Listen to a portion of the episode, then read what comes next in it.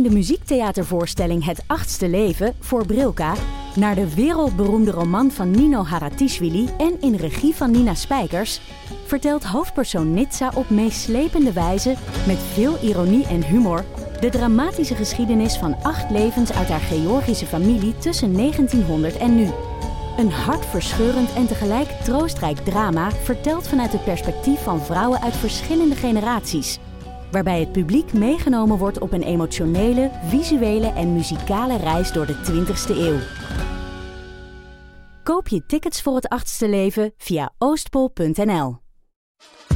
Mijn naam is Botte Jellema. Jouw naam is Ipe Driessen. Wij zijn van De Eeuw van de Amateur. De Eeuw van de Amateur is een podcast die gaat over... Alles. Het is een eh, podcast over levenskwesties die je niet kunt googlen. Een soort licht neurotische blik op het leven. Het is een podcast met humor. Jezus. Kijk, een grapje. Die, die vragen durft te stellen en die je ook onbeantwoord durft te laten. Mooi. met een regenboogvlagje. Dat, dat noem je queer, botten. Dat uh, regenboogvlag, dat klinkt echt als een soort... Eh, ik bedoel, iedereen is welkom. Kom ons luisteren Zo in je favoriete podcast-app. Dag datende duifjes en dartelende dazen. Welkom bij Damn Money.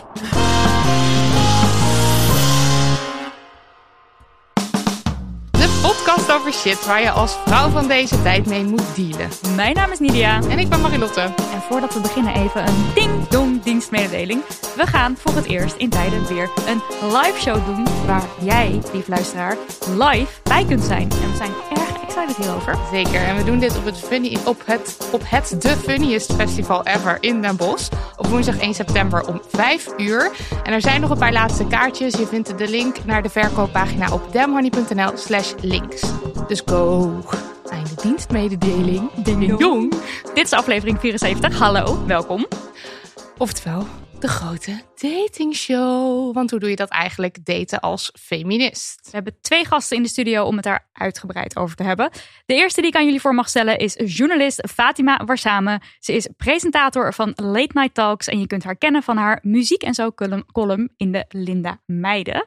Samen met haar vriendinnen Solange, Sarita en Isadé maakte ze voor BNN-Vara de webserie Blend. En dat gaat over allerlei verschillende onderwerpen zoals spiritualiteit, make-up, plastische chirurgie, wat heb ik nog meer voorbij zien komen? Eh, fake geld op social media uitgeven. Er, er worden ook allerlei challenges gedaan. Het is enig. En er is ook een aflevering over daten. Ja. Nou, en zo is deze, deze aflevering ook eigenlijk eh, tot stand gekomen. Welkom Fatima. Jee, dankjewel. Hallo. Wat een introductie. Dat duurde echt heel lang. I love it. Ik zat al helemaal zo, oh ja. Oh ja, ja, dat doe ik ook. Oh ja, oh ja. Met de muziek, ja. ja. En gast nummer twee is een ware vriendin van de show. Alleskunner, vat vol wijsheid en onze money mindset guru. Je kent haar van haar podcast Polititia en haar boek Waarom je niet zomaar moet stemmen waar je ouders op stemmen. En ze is nu bezig met een geheim project. We kunnen geen genoeg van haar krijgen en hangen het liefst de hele dag aan haar lippen. Het is Titia Hoognoorn. Dankjewel. Eh blij hier te zijn. En eh, eh, het geheime project gaat dus ook over de money, mindset. Dat wil ik nog even benoemen. Heel goed. Marlotje, Ja, ken je nog eens de feministen lately? Ja, eh, laatst nog. Jij was erbij toen het gebeurde.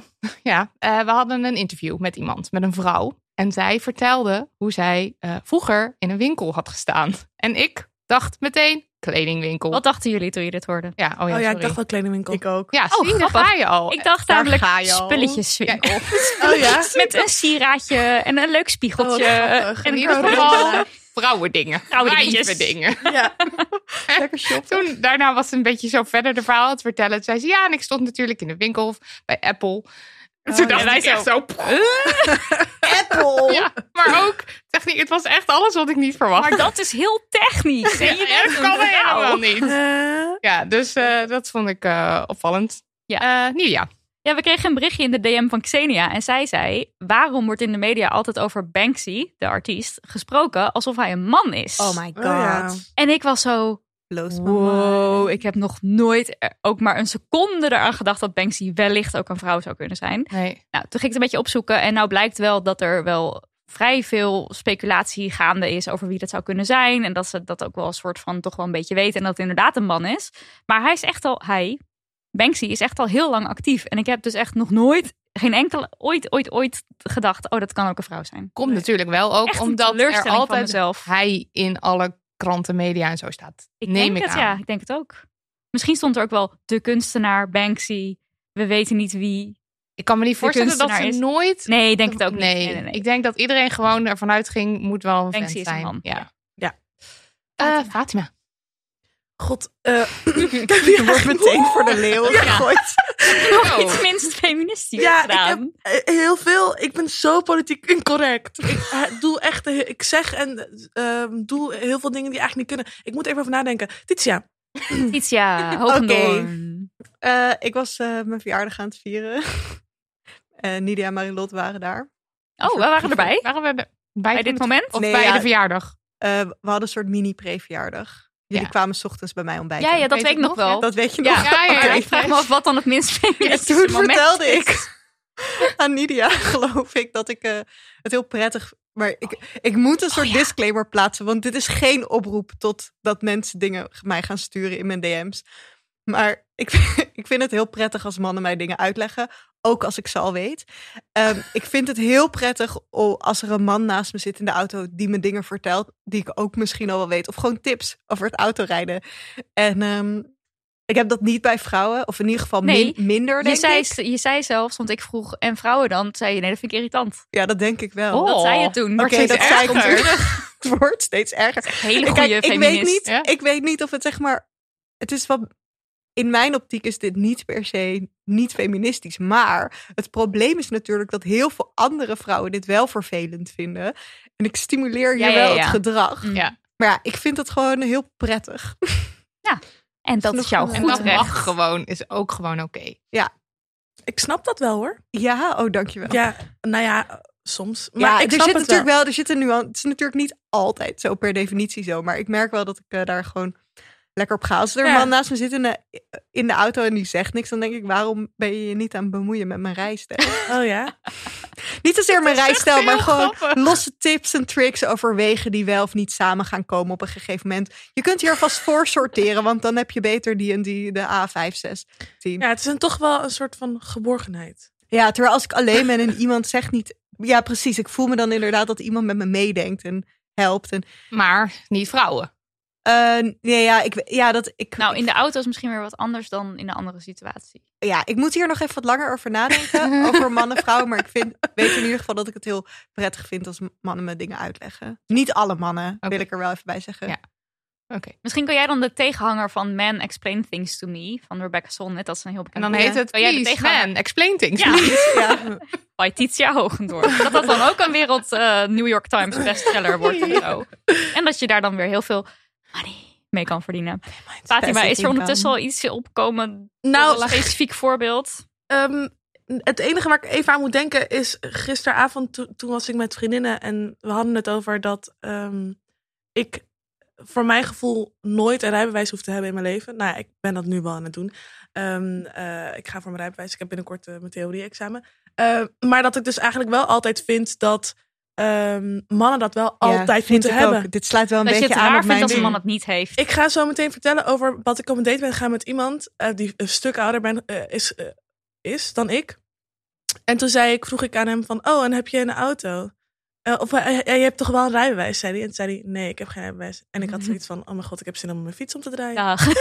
ik, vind het, ik, ik ben het helemaal met je eens. Ik vind het ook heel aantrekkelijk als een man een auto heeft en zegt: Ik kom je even ophalen met de auto. I love it. Maar waarom heb jij geen rijbewijs? Maar ik vind dat sowieso, denk ik. snap het niet. Ik vind het wel aantrekkelijk gewoon van, van partners. Want ik bedoel, Cato heeft ook een rijbewijs Ja, en ik vind het hot. Ja, Ja, misschien is het. een- dit is misschien inderdaad ook minder, minder eh, man gebonden. Dit is Gewoon gewoon meer van je wil dat iemand voor je kan zorgen als jij geen rijbewijs hebt. Nou, de Ja. vraag is dan dus of Daniel het dan dus onaantrekkelijk vindt dat ik geen rijbewijs heb. Oh ja, zo. Ja, Dat Nou wij ja, het allemaal... Ik vind het wel. Ik heb vriendinnen, het is echt heel erg, maar ik heb vriendinnen die relaties hebben met, eh, met mannen. En zij hebben wel een rijbewijs en hij niet. Nou, ik vind dat het meest Oh. Ja, ik ga even mijn vriend ophalen. aflevering. Ik, ga, Gewoon- ik, ga, moet, ja, ik moet toch echt even mijn vriend ophalen. Waarom haalt hij jou niet op? ik snap het niet. kan hij zichzelf niet ri- rijden? Oké, nou, dit belooft wat voor het gesprek zo meteen. Eerst eventjes tijd voor post. Ja. Eh, een leuk bericht. Ja. Namelijk, Ha, lieve dames. Ik ben de podcast over verschillen tussen mannen en vrouwen in de gezondheidszorg aan het luisteren. En wil graag al een damn honey yes met jullie delen. Achtergrond, dubbele punt. Twee jaar geleden ben ik geopereerd. De mannelijke chirurg had er waarschijnlijk niet over nagedacht toen hij de instrumenten op mij legde, maar ik heb redelijk grote borsten, dus de instrumenten gleden richting mijn keel. Het was een kaakoperatie, dus ik kon er niks van zeggen en kon minder goed ademen. Geen leuke ervaring dus. De yes is dit. Ik heb na overleg met een vriendin een paar maanden terug alsnog een klacht ingediend bij het ziekenhuis over deze situatie. Ik gaf aan dat ik snapte dat de arts dit niet kon weten, maar dat de ervaring toch erg onprettig was en dat ik graag een excuus van hem wilde en anders van het ziekenhuis vanwege deze ervaring. Ook als hij zich de operatie anders herinnerde. Ik kreeg binnen een week reactie en dat was nog meer yes. Hij bood zijn excuses aan en beloofde om voortaan beter rekening te houden met de patiënt onder het doek. Nice. Echt, ik vind het echt vet dat ze, nog die, eh, dat ze die mail nog heeft gestuurd. Ja, Ja, ik echt ook. vet, want- ook omdat er al zoveel Oh, ik- tijd tussen zat. Ja. En dat je dan toch denkt, fuck it, ik doe het gewoon. Want Ja. ik, er was gewoon kut. Echt chockerend bericht wel, vind ik weer. Ja, ik ook. Ja, het is echt weer een heel goed Je voorbeeld van dus niet rekening houden met dat een Ja. lichaam niet altijd plat is bij de borst. Maar Ja. ik, ik snap ook niet zo goed de situatie, maar daar hebben we het later aan de Nou. Hoe het lag op de borst. Als je, Je zo ligt en het- jouw borsten zijn best wel groot en iemand die gebruikt jouw borsten als een soort Maar bijzettafeltje. waarom zou je überhaupt dan iemands borsten het. gebruiken? Nou, dat is blijkbaar bijzet- dus iets wat mensen Ja, dat doen. gebeurt bij de tandarts ook wel hoor. Echt? Ja, die oh, zo ja, die ja, ligt zo'n- er Een, een blauw dingetje dingetje en dan daar bovenop soms instrumenten. Ja, dat klopt. Dat is zo. Ik ga dit voortaan in Nou, de gaten houden, want ik, ik zie helemaal zo'n tafeltje Ja, voor me ook. wat ze zo bij mij ernaast trekken. Dat is er ook. Volgens mij is dat er ook. is een dubbele, Dubbele, dubbele ja. situatie. Maar nu jij dit zo schetst, heb ik het idee dat ik het eerder heb gezien. Ja, je hebt een tafel met instrumenten. Ik doe echt alsof ik tandarts ben. Ja. Een, ta- Ja. een tafel met instrumenten. En daarnaast heb je zo'n blauw kleedje, weet je Ja, wel. dat kleedje weet ik. Ja, verschrikkelijk, Ja, ja, ja. echt. Papiertjes en zo. En dan af en toe, af, als ze gewoon even zo'n instrument even snel moeten husselen, dan leggen ze het even op je, Op je Ja, op je borst, ja. ja. op je borst. Ja, ik kan me dit wel En herinneren. dan rolt het zo. En dan, en dan kan je Huh? niet Ja, ademen. erg. Ja, en ik wil nog één ding toevoegen. Namelijk ehm, dat ik in zorg of bij de, bij de huisarts, standaard, nou ja, elke arts dan ook, ik eigenlijk soort van genoegen neem met wat er gebeurt. Dus als er zoiets gebeurt, dan zou ik er denk ik nooit wat van zeggen. Omdat ik dan denk, oh, ik moet al blij zijn dat ik zorg krijg. Of, Ja. zo, weet je wel? Ja. Of dat er iemand Ja. naar me luistert en mijn, mijn, mijn probleem nu Ze oplost. zullen het wel weten wat ze hier aan het doen zijn. Dat heb ik heel erg altijd de neiging ook, die gedachte. Maar zeg er dus wat van. Ja. Yes. Cool. Oké, ook nog een vraag. Hoi meiden. ik luister nu al een tijdje naar jullie podcast. Love it. Ik hoorde vandaag voor het eerst over een coregasm en moest meteen aan jullie denken. Want dit raakt, raakt enerzijds de dagelijkse shit waar een vrouw mee moet dealen, maar ook jullie boek Damn Horny. Misschien even iets meer context. Een vriendin en ik sporten sinds een jaar veel samen. En opnieuw, opeens kreeg ik van haar een voice message. Ze wilde iets vragen, maar was heel zenuwachtig en moest super hard lachen. Ze durfde het bijna niet uit te spreken. Het bleek dat zij na lange, intense core-oefeningen last krijgt van coregasms. Een orgasme door een combinatie van het aanspannen van je bekkenbodemspieren, je lage buikspieren en je beenspieren. Ik heb het online opgezocht en er zijn veel mensen die het awesome vinden, dus je leest vooral hoe je een coregasm kunt oproepen. Mijn vriendin is er alleen wat minder enthousiast over, omdat ze er geen controle over heeft en het dus ook krijgt wanneer ze midden in een groepsles zit en de trainer tegen haar loopt te schreeuwen dat ze door moet gaan. Het roept bij mij een paar dingen op en ik ben heel benieuwd hoe jullie erover denken. Allereerst, wat zijn wij vrouwen toch awesome wezens dat we een orgasme kunnen krijgen tijdens het sporten? Eh, fun fact, iedereen kan dit. Het is niet alleen iets eh, wat mensen met een baarmoeder OID... ehm, want ik, heb, ik ben me er hierin gaan verdiepen. Dus Daar ben ik erg eh, blij mee dat je je hebt verdiept, want ik heb eh, vragen. Oh, oké. Ja, ik hoop dat ik het allemaal kan beantwoorden. Ask me anything. Eh, maar daarnaast verbaast het me ook dat ik hier nog nooit over gehoord had. Durven we dit als vrouwen dan toch niet te delen met elkaar? Weten trainers eigenlijk dat vrouwen dit kunnen hebben? Ik heb het aan onze trainer gevraagd, Titia. Ik ga zo meteen alles over vertellen. Ja, Titia en ik delen een bootcampleraar. en wordt daar met oefeningen rekening mee gehouden? En meer praktisch, wat kun je doen om dit te voorkomen? Ik ben heel benieuwd wat jullie erover weten en kunnen aanraden. Liefs, Catharine. Eerst eventjes inventarisatie. Hebben, hebben, jullie wel eens coregasms Nee. gehad? Nee. Geen, ik wist niet dat het bestond. Ik heb wel vaak dat als ik in een bepaalde positie zit en sporten, wat ik sport nooit, hè, even voor duidelijkheid. Maar als ik dan, als ik dan nooit een keer ga sporten, dat ik dat gevoel heb alsof ik moet plassen of zo. Oh ja, ja, ja maar dat ken Of, ik wel. Oké, ja, nee, nee, dat is het Maar enige. nou, nu je dit... Kijk, toen ik... Ja, ik vraag me dus af. Ik heb wel eens inderdaad bij bepaalde lessen het gevoel dat ik denk, dit is prettig. Waarom is dit onprettig? En dan is het inderdaad misschien een Prettig soort... of onprettig? Ja, ja, onprettig omdat je aan het sporten bent. Ja, je ja, bent ja. zeg maar... Ik heb orgasms. Oké. Ik vind het echt heel vervelend. Ja, nou ja, Ja. Ik, ik, ik heb niet orgasms als in...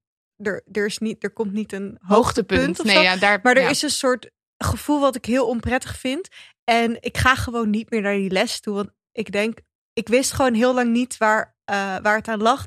Lag maar ik, ik verbond het wel met inderdaad een soort eh orga- Richting, orgasme. richting richting orgasme. orgasme, Ja. Wat maar voor dan- oefeningen, wa- wat voor een soort workout Eh, was het? ja, dus het was een, is een barles. Een bar Oh mijn soort- god, ik heb dit, dit, is, dit is letterlijk de les geweest. Sorry. Ja. Oh, maar we, en, Ja, en welk, welke oefening dan? Ja, dus het je bar is een soort, voor de mensen die dat niet weten, een soort Pilates-achtige les. eh, fitness Pilatesles gebaseerd op eh balletachtige ja. oefeningen.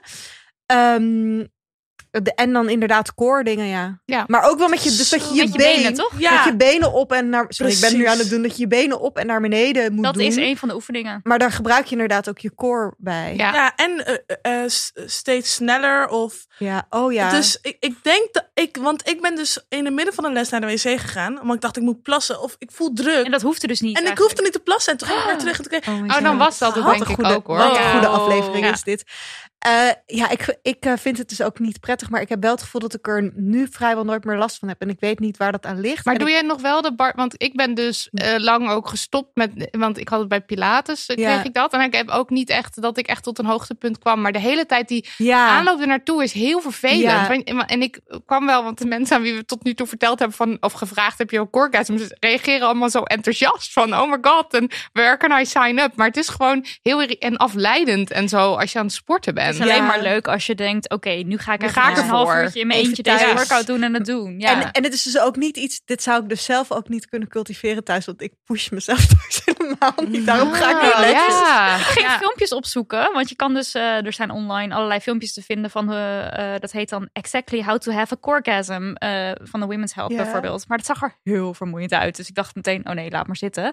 Want je moet echt wel flink aan de bak om dit voor elkaar te krijgen. Ja, ja, je moet wel een soort opbouw. Daarom heb ik het dus nu ook niet zo vaak meer, omdat ik mezelf ook niet meer zoveel. Ik heb ook begrepen dat het vooral ook dat het makkelijker gaat als je al een beetje vermoeide spieren krijgt. Ja, dat klopt. Oh. Ja, je moet echt gewoon echt een beetje uit. En bloedtoevoer, dat heeft er ook mee te maken, had ik gelezen. Heeft het iets te maken met je, met je cyclus? Waar je bent in je cyclus? Geen idee.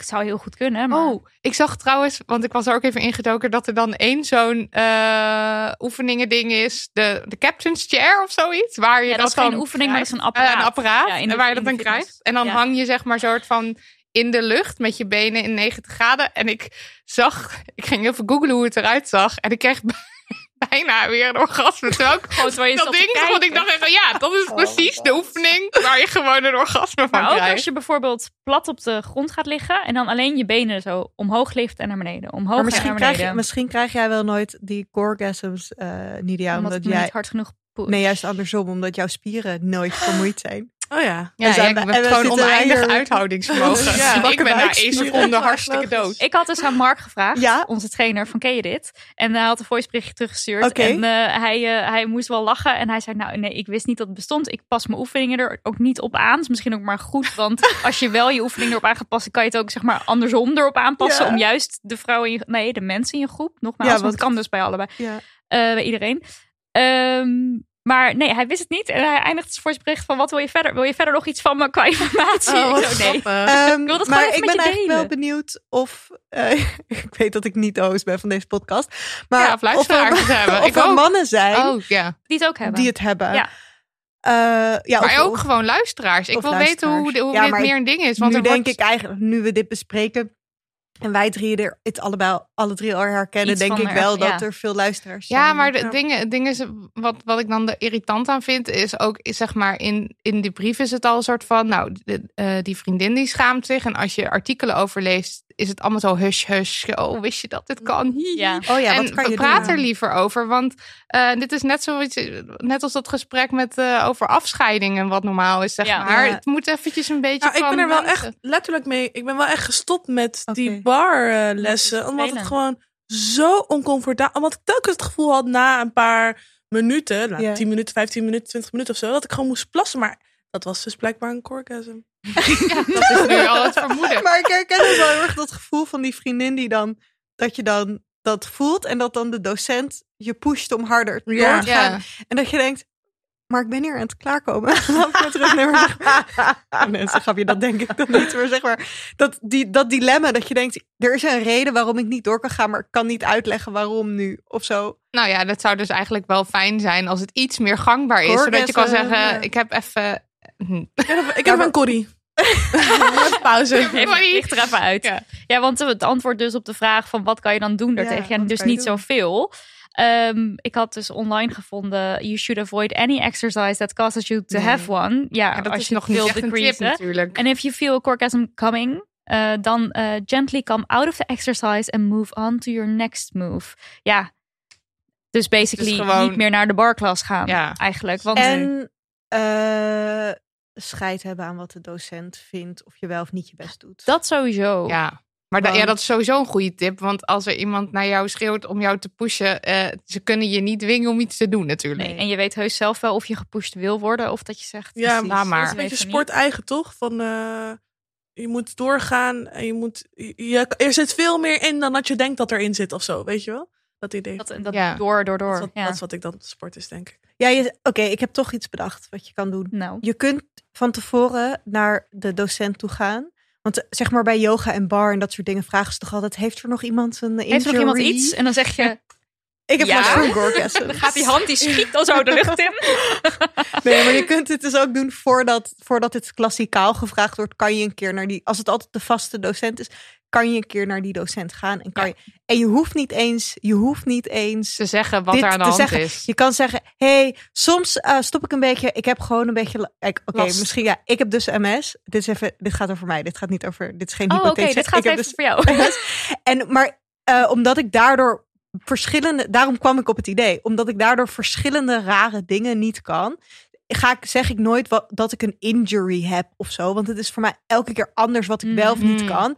En ik doe gewoon liever zelf. Ik, ik vul het gewoon liever zelf in op het moment. Dus eh, als het lessen zijn waarbij iemand zou pushen. Dat zijn, dan zijn, eh, bij die docenten ga ik dan van tevoren er naartoe. En dan zeg ik niet eens dat ik MS heb. Dan zeg ik gewoon ja, ik heb gewoon last van verschillende soorten eh gevoelstoornis. Of ik zeg een ander vaag begrip waar ze dan niet op door, door durven te vragen. En, de, en dan zeg ik daarna, en ik weet zelf wat goed is. Ja. Ja, Eh, precies. dat zeg ik dan Ja. daarna. En eh, dus als ik even niet meedoe, dan ligt het daaraan. En dan hoef je voor de rest geen zorgen meer te maken. Gevoelstoornissen is de keyword. Gevoelstoornissen. Ja. Ja. dat is het.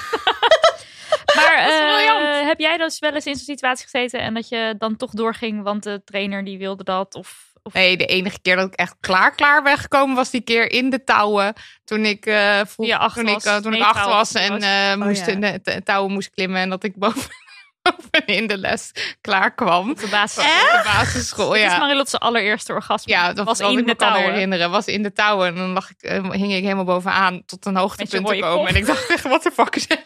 Oh mijn god. Hoe hou je dan nog het touw ook vast? Dat is Ben je niet knap, beneden Ja, maar ik was er met mijn hele lijf, zat ik er zo Oh. Want ik, ik zat, eh, ik, ik sla altijd mijn benen over elkaar en daar zit dan de touw tussen. Ja. Dus ik hing gewoon zo. Oh mijn god. Maar dat is niet een orgasm geweest. Nee, dat is geen. Nee. Maar ik associeer het natuurlijk wel heel erg ook met sport, Sport, zeg ja, ja, maar. ja, ja, ja, ja, en, zeker. en ik, maar ik heb het nooit zo ver laten komen dat ik daadwerkelijk een orgasme heb. Want ik laat me niet pushen, want ik ben een rebel. En ik denk altijd als iemand schreeuwt tegen mij, je moet door. Dan denk ik, hell no. Oh ja. Dus dat gebeurt niet. Heerlijk onderwerp. Ja. Ik hoop dat we weer een klein taboe doorbroken hebben. Sponsortijd. Sponsortijd. Ja, want deze aflevering wordt hartstikke mede mogelijk gemaakt door Next Story. Next Story. En jazeker, gaan we weer. Dat is N-E-X-T-O-R-Y. Lekker Marilotte. Een streaming service voor luisterboeken en e-books met meer dan 300.000 boeken in de app. Voor Next Story selecteerden we een lijstje met onze favoriete boeken. En die kun je via de app lezen of luisteren. En zitten onze eigen boeken daarbij?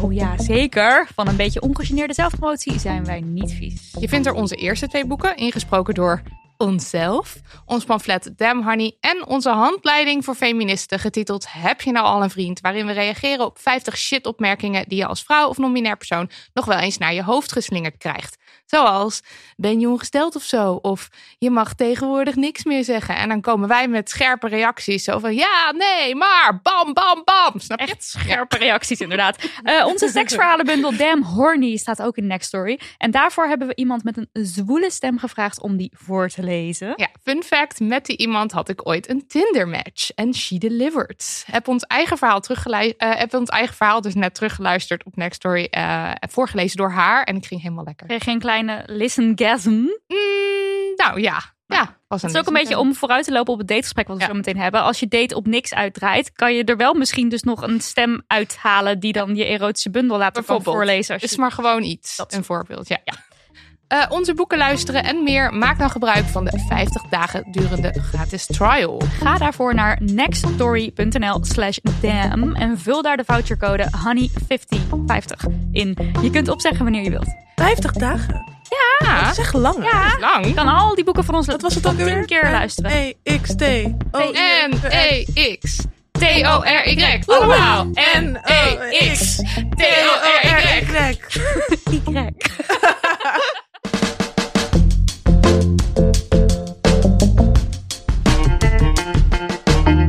We moeten het even hebben over daten. Want hoe doe je dat eigenlijk als feminist? Hoe beweeg je je door het verraderlijke datelandschap op zoek naar iemand of iemanden die bij jou passen?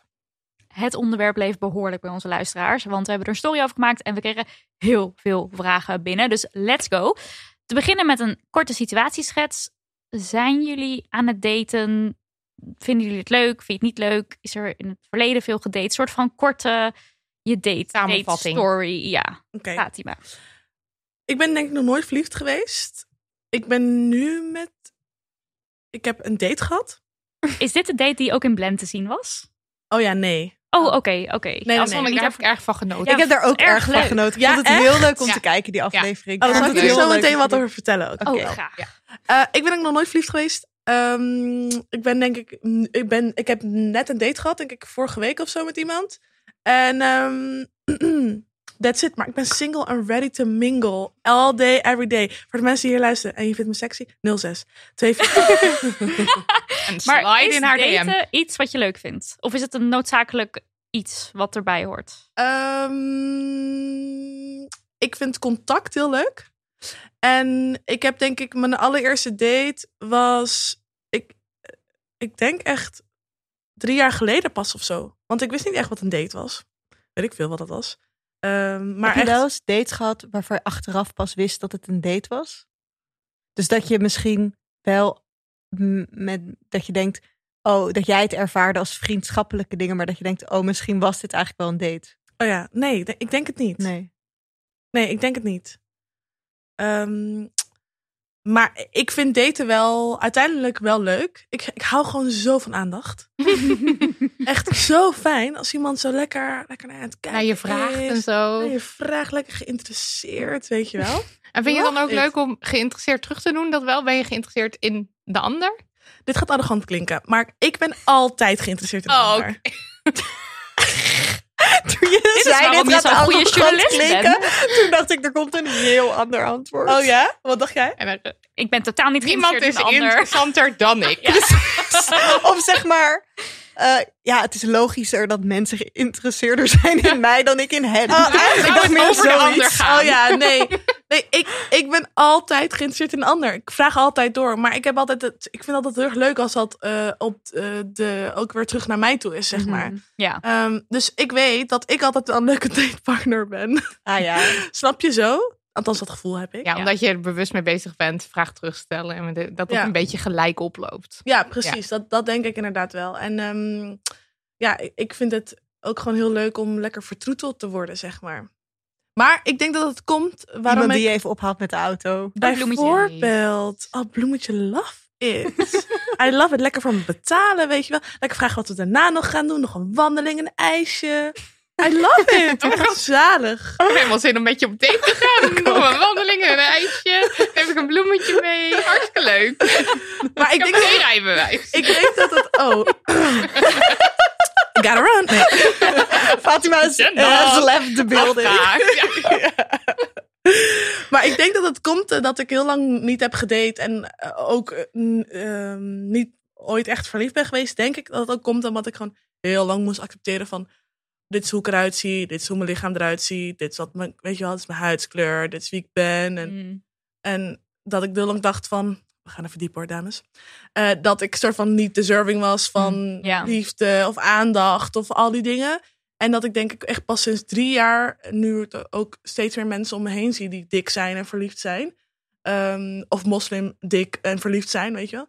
Dat ik denk, oh ja, nee, dat, dat verdien ik ook. En dat ik daardoor wat meer zelf gewoon wat ehm, chiller voel. En naar Ja. buiten dat straal. En dat trekt dan weer ook andere dingen aan. Ja. Dus Ja. En, is- en die, die representatie eigenlijk, dus dat je andere mensen zag, ziet die eh, op jou lijken en die dus daten of weet ik veel, leuke, leuke dingen meemaken. Dat, was dat het specifiek wat jou dan soort van over de streep trok van, oh hey, ik kan en mag dit ook en... Ja, dat in therapie. En therapie, oké, ja, ja, ja. zelfhaat en zo van je aftrappen. En, Ja. dat dan, en dat je op een gegeven moment denkt, hey, de Ja. wereld. Ja. Hallo. Ja. En dat je daar dan zin in hebt. Ik, ik, ik, bijvoorbeeld, ik droeg nooit hakken, maar ik dacht, oh, ik ben lang en dik. En lang en dikke mensen moeten, mogen geen hakken dragen. Die of moeten zo min Ja. mogelijk ruimte innemen. Precies. Eh, maar toen ehm, zag ik eh, Lotte, hoe heet ze ook weer? Van Eyck? Lotte van Lotte Eyck. van Eyck. Sexy bitch. Echt I love it. Zij is Ja. gewoon, ze trekt aan wat ze wilt. Ehm, ze is heel dik. En ze, ze trekt gewoon vormfitting kleding aan en hakken. En weet je wel, met haar partner. I love it. En dat heeft ook wel echt, dat soort mensen hebben heel erg geholpen. Ja. Dat soort van, je mag echt zijn wie je wilt. En je kan mooi zijn. En mensen kunnen jou ook echt mooi vinden, weet je wel. En als je dan, eh, want we hadden, nou, nou, ik gooi er maar gelijk een vraag in. Iemand die zei ook, eh, dating as a fat woman. Ben na tien jaar weer single en bang voor de vleeskeuring op apps. Ja. Wauw. En dat snap ik wel. Ja. Ja, Want je, eh, ja, vraag ze tips. Tips? ja. Vraagteken? Tips? ja own it man. Ja. Ja, Doe gewoon bootypick of zo. Eh, mag ik vragen of jij Ja. op de app zit? Ik heb op de apps gezeten. Ehm, maar ik vind het heel leeg. En ik denk dat ik heel veel seksueel contact krijg. Ja. Dus Mm. Ah, ja. weet je wel, van uh, Netflix en chill, weet je wel. Mm. Wat echt super lame is. Wie zegt dat nou eigenlijk? Ehm, Nu nog ook. Ja, nu Nog nog. vijf ja, jaar echt. ja, precies. Of ehm, ik wil je knuffelen. Heb je dat wel eens gehad? Eh, ehm, Je kent wel- me niet. nou, wat? Ik zei, je kent me niet. Maar eh, Ja, precies. Nee, ja, ik krijg niet, nou, misschien dergelijke dingen wel, inderdaad. Maar ja, ik negeer, ik, ik unmatch gewoon meteen als mensen iets doen wat me niet zint. Want dat, daar is de app voor. ja. Doe even je dating story, Titia. Ik date wel eens. Dat is, dat is het, denk ik de beste omschrijving. En daar heb ik het dan over met Nidia en Marilot. En wij zijn graag, graag, graag luisteraars. Een leuke anekdote is dat ik een keer een date had eh, in een Oh ja. park. En terwijl ik die date had, was Marilotte toevallig ook in het park.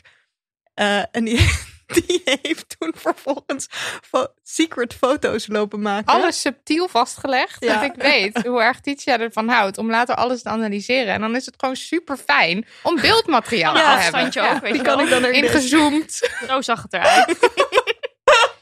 Weet je nog dat je daar liep je hand in hand? Daar was je aan het tongen. tongen. Whatever. Ja. Eh, ja, dus, dus dat. Ik weet niet, ik heb, eh, ik heb niet meteen een heel diep verhaal. Maar, Maar vind je het eh, leuk? Zit je, Oh ja, vind zit ik dus leuk. op de apps? Ik zit, ja, ik zit op de apps. Vind ik niet per se altijd een aanrader, maar ik, ben, ik vind het wel leuk om soms te doen. Ehm, daar, ik heb daar ook een haat-liefde verhouding mee met de apps. Eh, ik zit op de apps. Ik vind daten is ook double-edged sword. sword. Ja. een zwaard Ja, met een twee zwaard. Kanten. gezegd. Een Ja. zwaard dat snijdt aan twee kanten. Precies. Waarom dan? Nou, omdat... Sorry, dat klonk heel Ik- agressief. Ja. Waarom dan precies? Nou ja, zoals jij daten omschrijft, ik ben daarbij. Ja. Weet je, ik kom super gezellig. En ik vind dat ook heel leuk. En, ik, en er zijn heel veel dingen leuk aan daten. En gewoon de constante, dat constante gevoel van potentie en avontuur. En mensen leren kennen. En oh, wat wordt het leuk, wordt het niet leuk. Maar het is ook soms wel, als je heel veel dates achter elkaar hebt waarvan je denkt, wie is dit echt of zo? Waarom, waarom ben ik aan het daten? Ehm, ik voel geen klik en dan ga je soms ga je dan afvragen van ehm, ben ligt het gewoon aan mij heb ik niet ehm, dat ik hoe zeg je dat dus, dus dat je dat je het niet dat je de date niet per se heel, heel spannend of thrilling of, of dat je je niet bijvoorbeeld seks wilt dat iemand aangetrokken voelt en dan ga je op een gegeven moment twijfelen ben ik ligt het misschien gewoon aan mij ben ik gewoon ongeïnteresseerd persoon geworden of zo en dan heb je weer en dan heb je weer een date opeens waarbij dat dan niet zo is waarbij alles vanzelf gaat en dan denk je oh nee het ligt niet aan mij Mm. en dan is date opeens weer leuk en dan ligt de wereld opeens weer aan je voeten Mhm. Ehm, Maar meer zeg maar die, die, pijnlijke momenten dat je dus denkt van oh misschien ben ik wel niet leuk. nee nee maar ik denk niet per se ben, ik ben niet leuk, maar gewoon ik ben geen match met mensen. Oh, zo. Gewoon überhaupt. Oh. Je bent niet... Ja, oh, ik of ben ik, geen match met mensen. Ik, Ja. wil, ik wil niet meer da- da- daten. Ik voel niks meer bij daten. Dat, dat- soms. ja. Maar dat, ik bedoel, dat kan ik natuurlijk ook wel hebben over andere dingen Ja, in het leven. is niet uniek voor het daten. Nee. nee. Herken je dit, Fatima? Ja, heel erg. Oké, gelukkig. ik moest even bevestiging Ja, ja, hebben. ja. Nee, maar ik herken dat. Dat je, tegen, ja, dat je gewoon denkt van... Andere mensen worden maar verliefd de hele tijd Ja, op elkaar. Ga ik wel iemand vinden, want ik doe zo mijn best. Dat bedoel je dat een beetje? Een soort van... Ja, of ik doe mijn best of meer soort van ik wa- hoe waarom eh, elk nou ja, de- de- er zijn echt er zijn namelijk momenten in mijn leven geweest dat het wel gelukt is en heel leuk was. Mhm. Eh, alleen als het dan zeg maar een paar keer achter elkaar niet lukt of zo of niet per se spannend is het daten, dan denk ik wel wat doe ik hier? Ja, Mhm. Ehm, dan kost het gewoon heel veel energie. energie. Ja. Maar ja, ook om, ja, dan kost het energie, want je moet wel weer helemaal voorbereiden op een date. Maar dan is het inderdaad, als het dan wel weer leuk is, dan is het weer top. En ik moet zeggen, als de zon schijnt, dan is het ook altijd veel leuker om te daten dan als de zon niet schijnt. En dan heb ik ook zin om te daten. En dan Ja. denk ik, oh, had ik nou maar iemand om mee te daten. Zelfs als ik de persoon niet heel leuk vind, vind Ja. ik het prima om te daten. ja. Heel, vind heel herkenbaar. Die, die beschrijving ook van dat, dat constante gevoel van potentie. Dat Ja. is Ja. helemaal wat daten inderdaad is. En Ja. waar je energie van krijgt. Ja. Ja, en ik vind de- aanloop heel leuk. Bijvoorbeeld mijn vriendinnen-app in een groepsapp. Ja. Screenshots sturen. vind ik heel leuk. Foto's sturen van mijn outfit. Ehm eh FaceTimen naar de date toe. Heel leuk. Heel leuk. Met wie facetime je? Eh, met vriendinnen. Oh. Ik- Dan mag ik tijdens alvast de een date of na date-tip de geven? date? Wacht, ja? Nee, wacht. Je FaceTime met vriendinnen na of voor, voor de date? Of tijdens? Eh, voor de date, eh, na de date en soms appjes sturen. Tijdens. ja, tijdens. ja, ja, ja, Ja, helemaal ja, leuk, ja, absoluut. Maar dan is het ook gewoon een gemeenschappelijke gebeurtenis Ja. natuurlijk. De daten doe je samen. Het Ja, is daten doe je zo samen. leuk. Ik ga voortaan ja. Fatima, ik ga Fatima ook voortaan eh, facetimen voordat ik een date heb. FaceTime echt. Ja, echt leuk. Oké. Ehm, mijn korte tip, want ik werd geïnspireerd door, eh, door jou, want ik moest daar opeens aan denken, want ik vroeg met wie facetime je? Want wat ik dus wel eens doe voor een date, facetime ik even met de persoon met wie ik de date heb. Eh, Oh. Want Dat zou ik dus niet durven. Nee, oké, dat is het is ook verschrikkelijk eng. Maar het idee dat je het als je een beetje zenuwachtig bent, dat heb ik wel eens, of, of zenuwachtig, of je weet niet zeker of het een moordenaar is, Oh, ja, ja, ja, ja, ja, absoluut. dat soort dingen. Of, ja, of je, weet, je weet het gewoon niet. En als je dan even, of je bent heel bang voor de awkward, het awkward begin. Ja. Dit, dit geldt eigenlijk vooral eh date via de apps. Want andere mensen heb je, als je gaat daten, misschien Die wel eens wel. gesproken of Ja. ja. in ieder geval een blik meegewisseld. Maar wat ik dan wel eens doe, dan, dan, dan bel ik gewoon even van... hey, ik kom eraan of zo. Zeg maar gewoon zo'n soort... Hey, eh, gewoon zo'n soort Praktisch. Van, zo. een praktisch, Ja, ja, ja. praktische laatste vraag. Dan is het ook niet zo eng omdat je gewoon weet in welke rol je belt. Namelijk om aan te kondigen dat je Ja. er aankomt. Ja, of zeg maar... Hoe laat zal ik er zijn? Zeg maar echt gewoon dat soort hele basale rare dingen. Of rare eh, praktische dingen. Die, daar bel ik dan gewoon even voor. Ja, en je ziet dan dus meteen of die persoon dus het plastic al aan het ophangen. Oh my god. Hallo, figuur, Oh. bitch. Nidia luistert heel veel Jezus. moordpodcast. Hey, er komt een nieuw seizoen van Dexter, hè? Echt? Nou, Ja. dat, dat is Even de plastic, de plastic. De plastic. Maar overigens hoef je niet grap, te... Sorry, als hij een beetje hard was. Je hoeft niet te facetimen. Je kunt ook gewoon, ik doe dit ook gewoon bellen. En je doet allebei de personen, denk ik. Ik weet niet of ik, zo interpreteer ik dat. Ik doe je een plezier, want die andere persoon heeft jouw stem ook al gehoord. Ja. Dus het is voor Het is jullie allebei. druk van de ketel. Er Ja. is wat Ja. druk van de ketel. Ik vind dit echt, echt een goede tip. Nou, we kunnen de podcast Ja. afsluiten. En wat voor, wat voor soort dates doen jullie? Zijn je actieve daters of ga je liever wat... Ga je wandelen? Drinken, ga je wandelen? zitten? Ga Ja. je naar buiten? Of vind je bij jezelf bij je thuis af? Nou, oké. Ik vind een eerste date moet eigenlijk gewoon heel normaal zijn. Over het algemeen. Gewoon een hele normale date. date. Maar wat is normaal? Wat Ja. drinken. eh, als je van wandelen houdt, een Terras. wandeling maken. Terrasje. Ik denk eh, eigenlijk vooral als je de persoon nog niet echt kent. Of als je, niet, als je nog heel erg moet aftasten. Je moet niet een super ingewikkelde date. Ja, Fatima is het met me eens, zie ik aan de. Ja. Geen commitment. Meid, Geen stel je commitment voor je wil date. weg. Ja, en dan geen zit je daar etentjes. te bolderen met iemand. Te In bolderen. nieuwe Sta je gein. daar exact, exact. Dus het, met, met wat van dat wittige dingen op je hand. Ja, nee, nee. dan kan je niet meer het weg. moet iets zijn waar je weg kan. De eerste date moet gewoon... En, en de Mm. eerste date moet ook gewoon een beetje, een beetje awkward en kut zijn.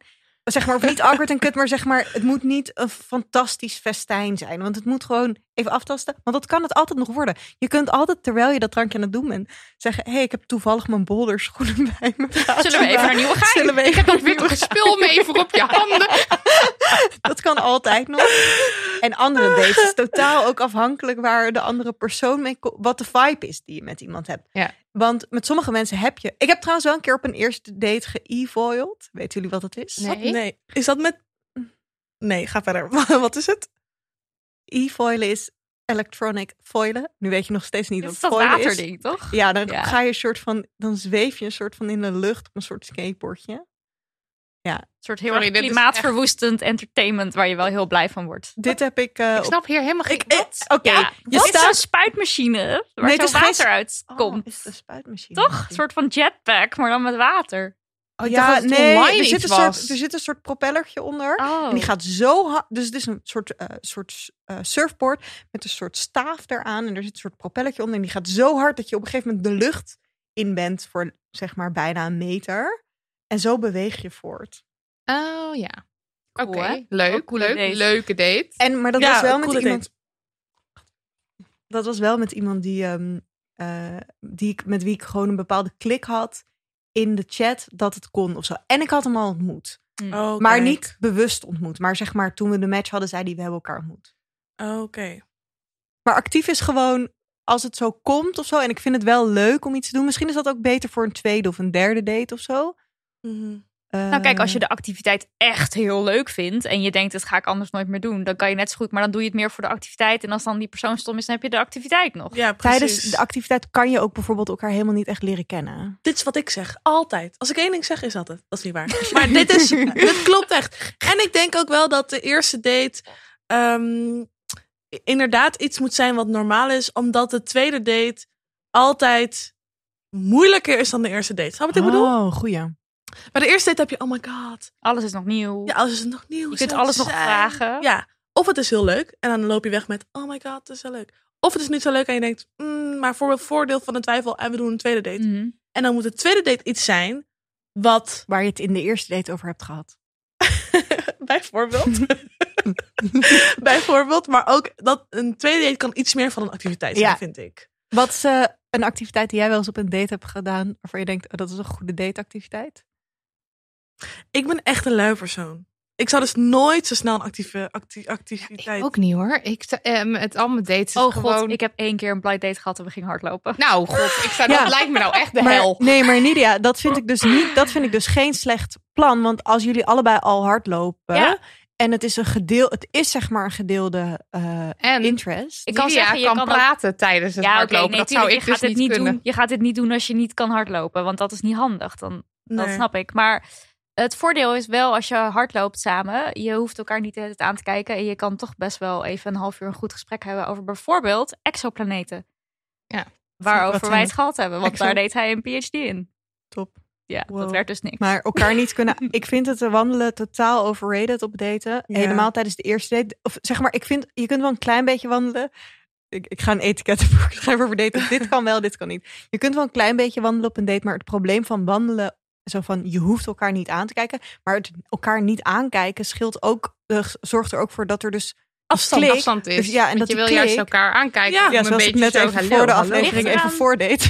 Ligt Ja. er misschien wel aan hoe, makkel- hoe makkelijk je daarin bent, hè? Oh, oké. Ja, neem het nu denk je? terug. Ik weet niet hoor. Nou, als je dat heel spannend vindt, dan is het dus juist prettig om dus te beginnen met gewoon Ja. even een wandeltje. En dan ken je elkaar wat beter. En dan is het misschien wat minder. Nou, nu zitten we hier tegenover elkaar. Ja, nee, precies. Maar je kan ook, eh, het kan ook grijs zijn. Precies, dus een ja. stukje lopen en dan op, een Ja, ja, gegeven moment ja. op een bankje zitten. Ehm, Ja, ik ja, heb wel een goeie. onlangs een date gehad waarvan die persoon zei: Zullen we wandelen of zo? En toen zei ik, of toen hadden we het erover wat zullen we doen? En toen zei ik: Ik wil wandelen, maar gewoon ergens naartoe. En dan Oh, daar zitten. Ja, Ja. met ik een vind- doel. en dan is inderdaad het begin niet, maar je kunt niet de hele date wandelen, want dan heb je iemand niet in zijn gezicht eh, kunnen kijken. Want dan moet je wel echt heel erg je best doen om te kijken wat is onze vibe.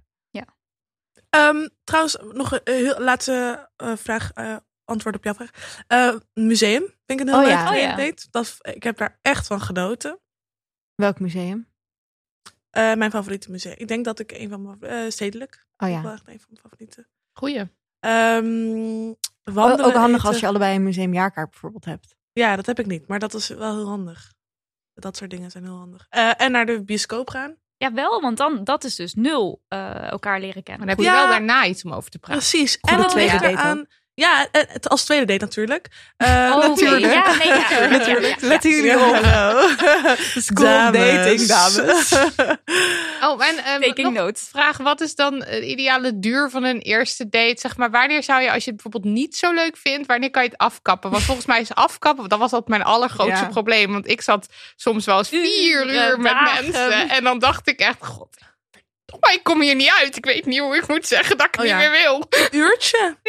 Ja. Ik vind, als, je, als je ook gewoon direct... Kijk, je kan al direct zijn van... Hé, hey, luister. Ik, eh, ik merk dat het niet werkt. Of ik Doe je dat? merk... Doe je dat? Want dan, ik, Ik ben durf het- sowieso ik ben nu zou ik daar zijn, maar ik was daar vier, vijf jaar geleden echt niet hoor. Wat is een tip om dat, te, om dat te kunnen? Want jullie, volgens mij kunnen jullie dat allebei. Gewoon eerlijk zijn. Communiceren in een date. Nou, ehm, pff, ik denk dat het bij mij... eh, ik trek liever de De pleister eraf. pleister ja. er, er Ja. vanaf. Ja, gewoon meer van... Net zoals dat ik tegen iemand zeg van... Ik vind jou best wel leuk, wil je met mij op een date? Dat zeg je ook Oh, gewoon. dat zeg jij? jij gewoon. Ja? Oh my god. Ik Ja, had, ik echt oh, ik laat je het zo meteen zien. op school. Ik heb een jongen eh eergisteren een berichtje gestuurd met... ehm eh, hey, was superleuk je te ontmoeten. Lijkt me leuk om met je af te spreken. Jij en ik, date sticker. Wat is date sticker? Eh, date, vraagteken en toen een sticker, Sticker. gestuurd op WhatsApp. Wat Voor voor comic sticker? relief of niet? Eh, een sticker van een man die, dit, die zo met zijn hand doet en met zijn hoofd beweegt. En Oh, zo van heel blij is. Oh, wat leuk. Volgens mij was dat hem. Oh, Eh, zeg ik ook wel eens tegen mensen van... ehm, eh, hey, ik vind jou wel leuk. eh, en ik vond het heel gezellig. Maar ehm, ik denk op deze manier niet. Weet je wel? En dan soms om te verzachten, maar dan kan je zelf wel een beetje een probleem brengen. Door te zeggen, het lijkt me leuk om op een andere manier een keer af te spreken. Of zoiets. Mm. Nog een keer. Terwijl Dat je moet je niet doen. niet Nee, beter van niet. Dat Nee, moet je niet doen. Maar zoiets vloep je er dan uit op het moment Ja. zelf. Want je denkt, ik wil het iets liever zeggen. We kunnen Ja. nog een keer iets anders doen. En dan heb je het al die, is, gezegd. maar dit, die laatste, dat laatste aanbod is wel makkelijker in te trekken. Ja, Na klopt. afloop. Ja, precies. Maar het is, als, tenzij je iemand hebt die jou wel graag wil zien. En, en dat hij eh, denkt van, oh, deze vrijblijvendheid, dat, dat, eh, dat ga ik doen. Of hier ga ik achteraan of zo. Ja, en ehm, wat er ook, wat, dat is, ja, ik kan dat, wat jij zegt nu, dat kan ik alleen bij mensen die ik zelf dus niet per se heel leuk vind. Als ik iemand leuk vind, dan kan ik niet op de date heel eerlijk zijn. Dan word ik gewoon een beetje zo nerveuzig. Dan maar waarom ik- zou je dat dan doen? Ja, want dan wil je ook niet zeggen van... Nee, niet. nee, oké, maar het ging over een soort van goed kunnen communiceren. Oh, nu komt, het, überhaupt, nu ja, komt ja. het over alsof ik de hele Oh. tijd op elke date super zelfverzekerd ben. Dat is helemaal niet zo. Nee. Het is alleen zo dat als ik inderdaad iemand wel, weet je wel, wel gewoon een goede klik met iemand heb, maar ik voel het gewoon niet of zo. En dan, ik, ik vraag dan ook wel eens van, hey, ehm, wat vind jij van de date? Dat is eigenlijk al. je- Evalueren tijdens de date. ja, maar dat kan als je toch niks ermee wil. Dan is dat ook niet zo'n groot probleem of zo. Want dan, en wat, ik daar heel, wat daar heel leuk aan is, want dit wilde ik even gezegd hebben, want anders dan wordt het een soort van negatief afwijsding. Maar waarom ik dat ook een beetje doe, is soms breekt dat het open. Hmm.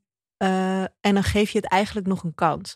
In de zin van, soms zorgt zo'n soort heel, zo'n heel eerlijk, eerlijke vraag, zorgt er soms voor dat je een soort connectie kan maken met iemand Mm, ja. Oh ja. omdat dan, die- je ziet ook als ik, als je dat soort, ik weet niet of jij dat herkent, maar ja, als ik zoiets vraag of zeg of die kant op ga, dat ik dan opeens best wel eerlijk ben, dan zie je ook het gezicht van die andere persoon een beetje zo, eh, de, een soort masker wegvallen. Mhm. Omdat er opeens eerlijk, want ik ga dan wel, ik probeer dan ook wel echt eerlijk te zijn wat ik voel. En Mhm. dan, ik bedoel, meestal is het ook helemaal niet dat je iemand stom vindt. Het is gewoon meer van, hey, ehm, ik, ik vind het heel leuk, maar ik merk gewoon dat ik het niet zo voel. En ik denk ook dat ik het niet ga voelen, maar eh, zoiets of zo.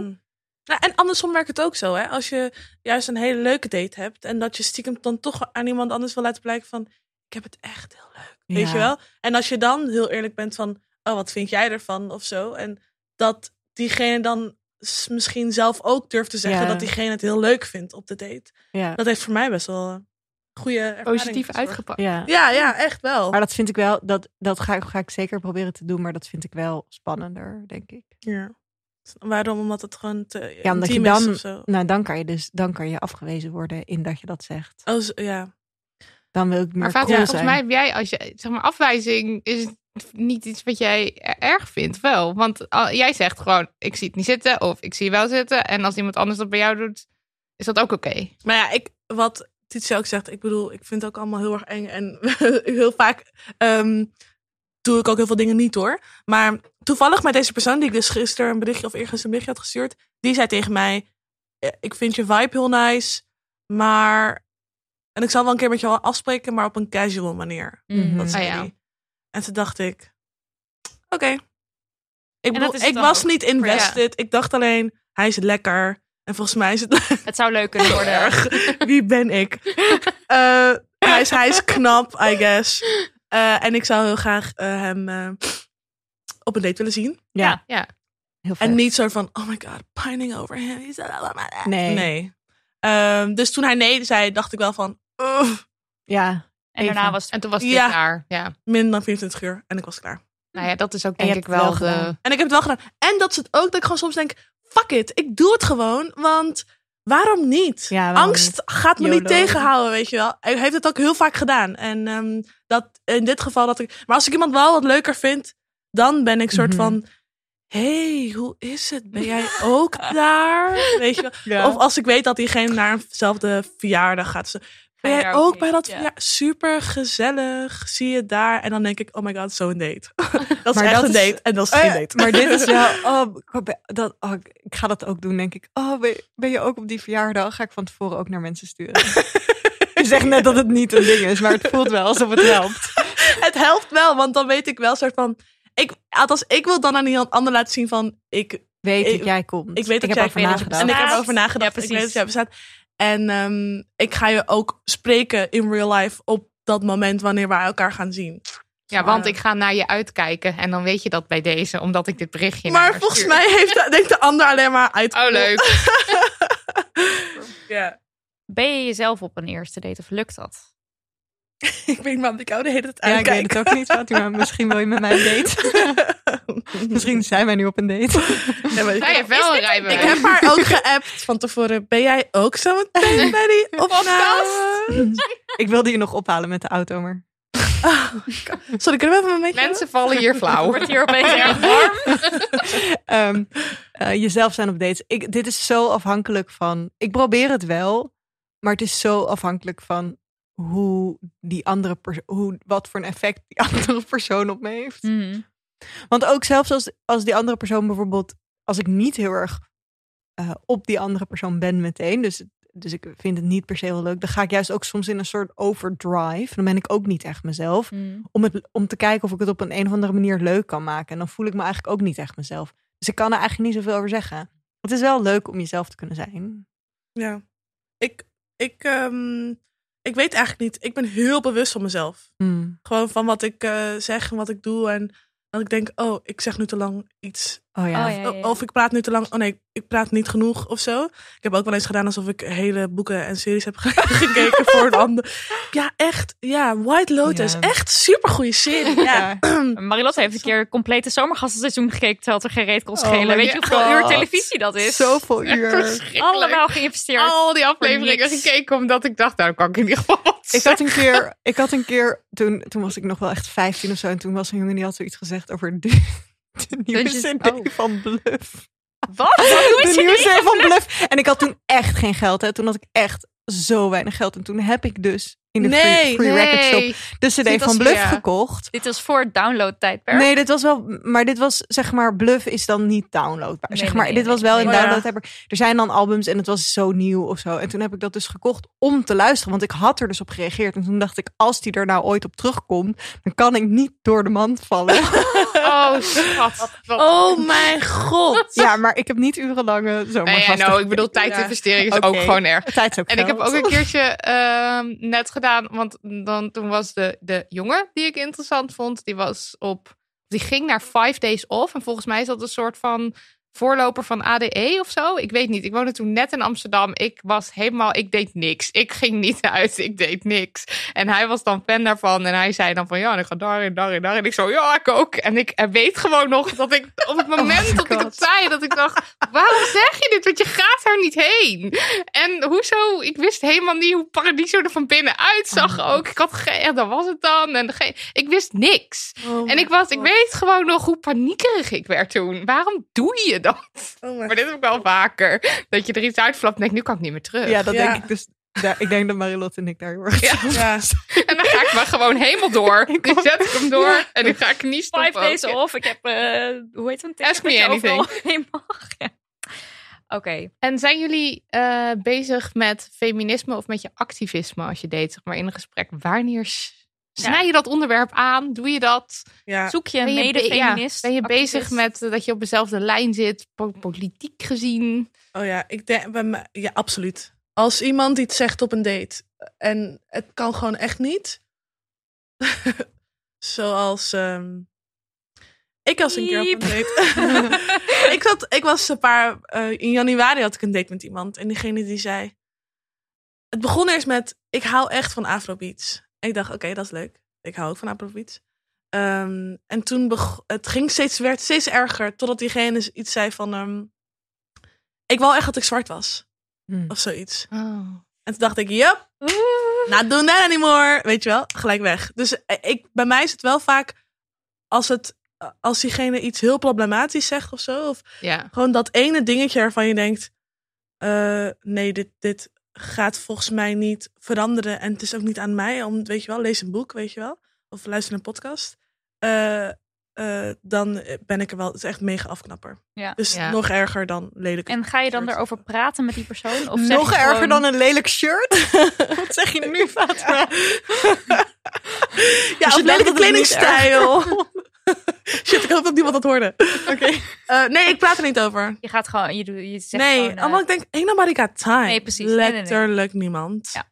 En al helemaal ik niet. Maar zeg je dan, en dan zeg je op dat moment van, eh, oh trouwens, eh mijn taxi staat klaar. Ja.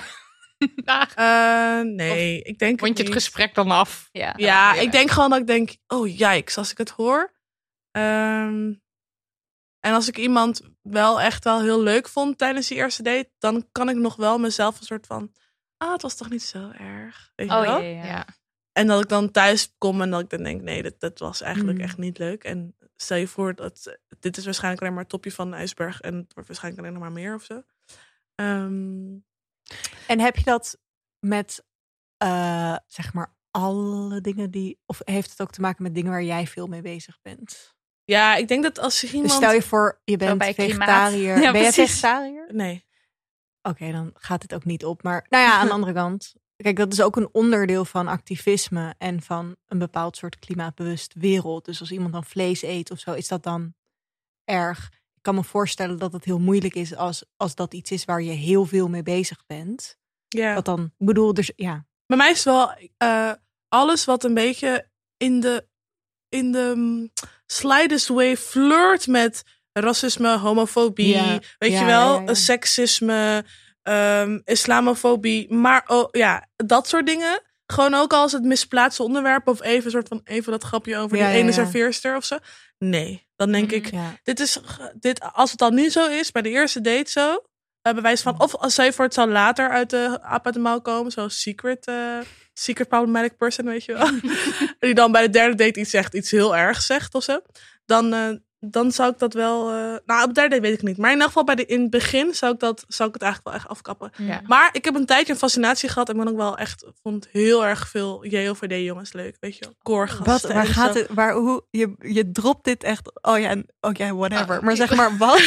Ja, I don't know. Het is gewoon dat haar, Je vindt En- gewoon de look, je vindt de, de, De look, look. die erbij komt kijken. De look vind je leuk, maar de, de, het, de, de, inhoud. inhoud. minder. inhoud. Maar ben je er dan later achter gekomen dat die inhoud bij die look hoorde? Of hoe zit dit? Heb je ook met ze Eh, gedate? Of Ik heb, ik heb wel met iemand gedate die JOVD-achtig was.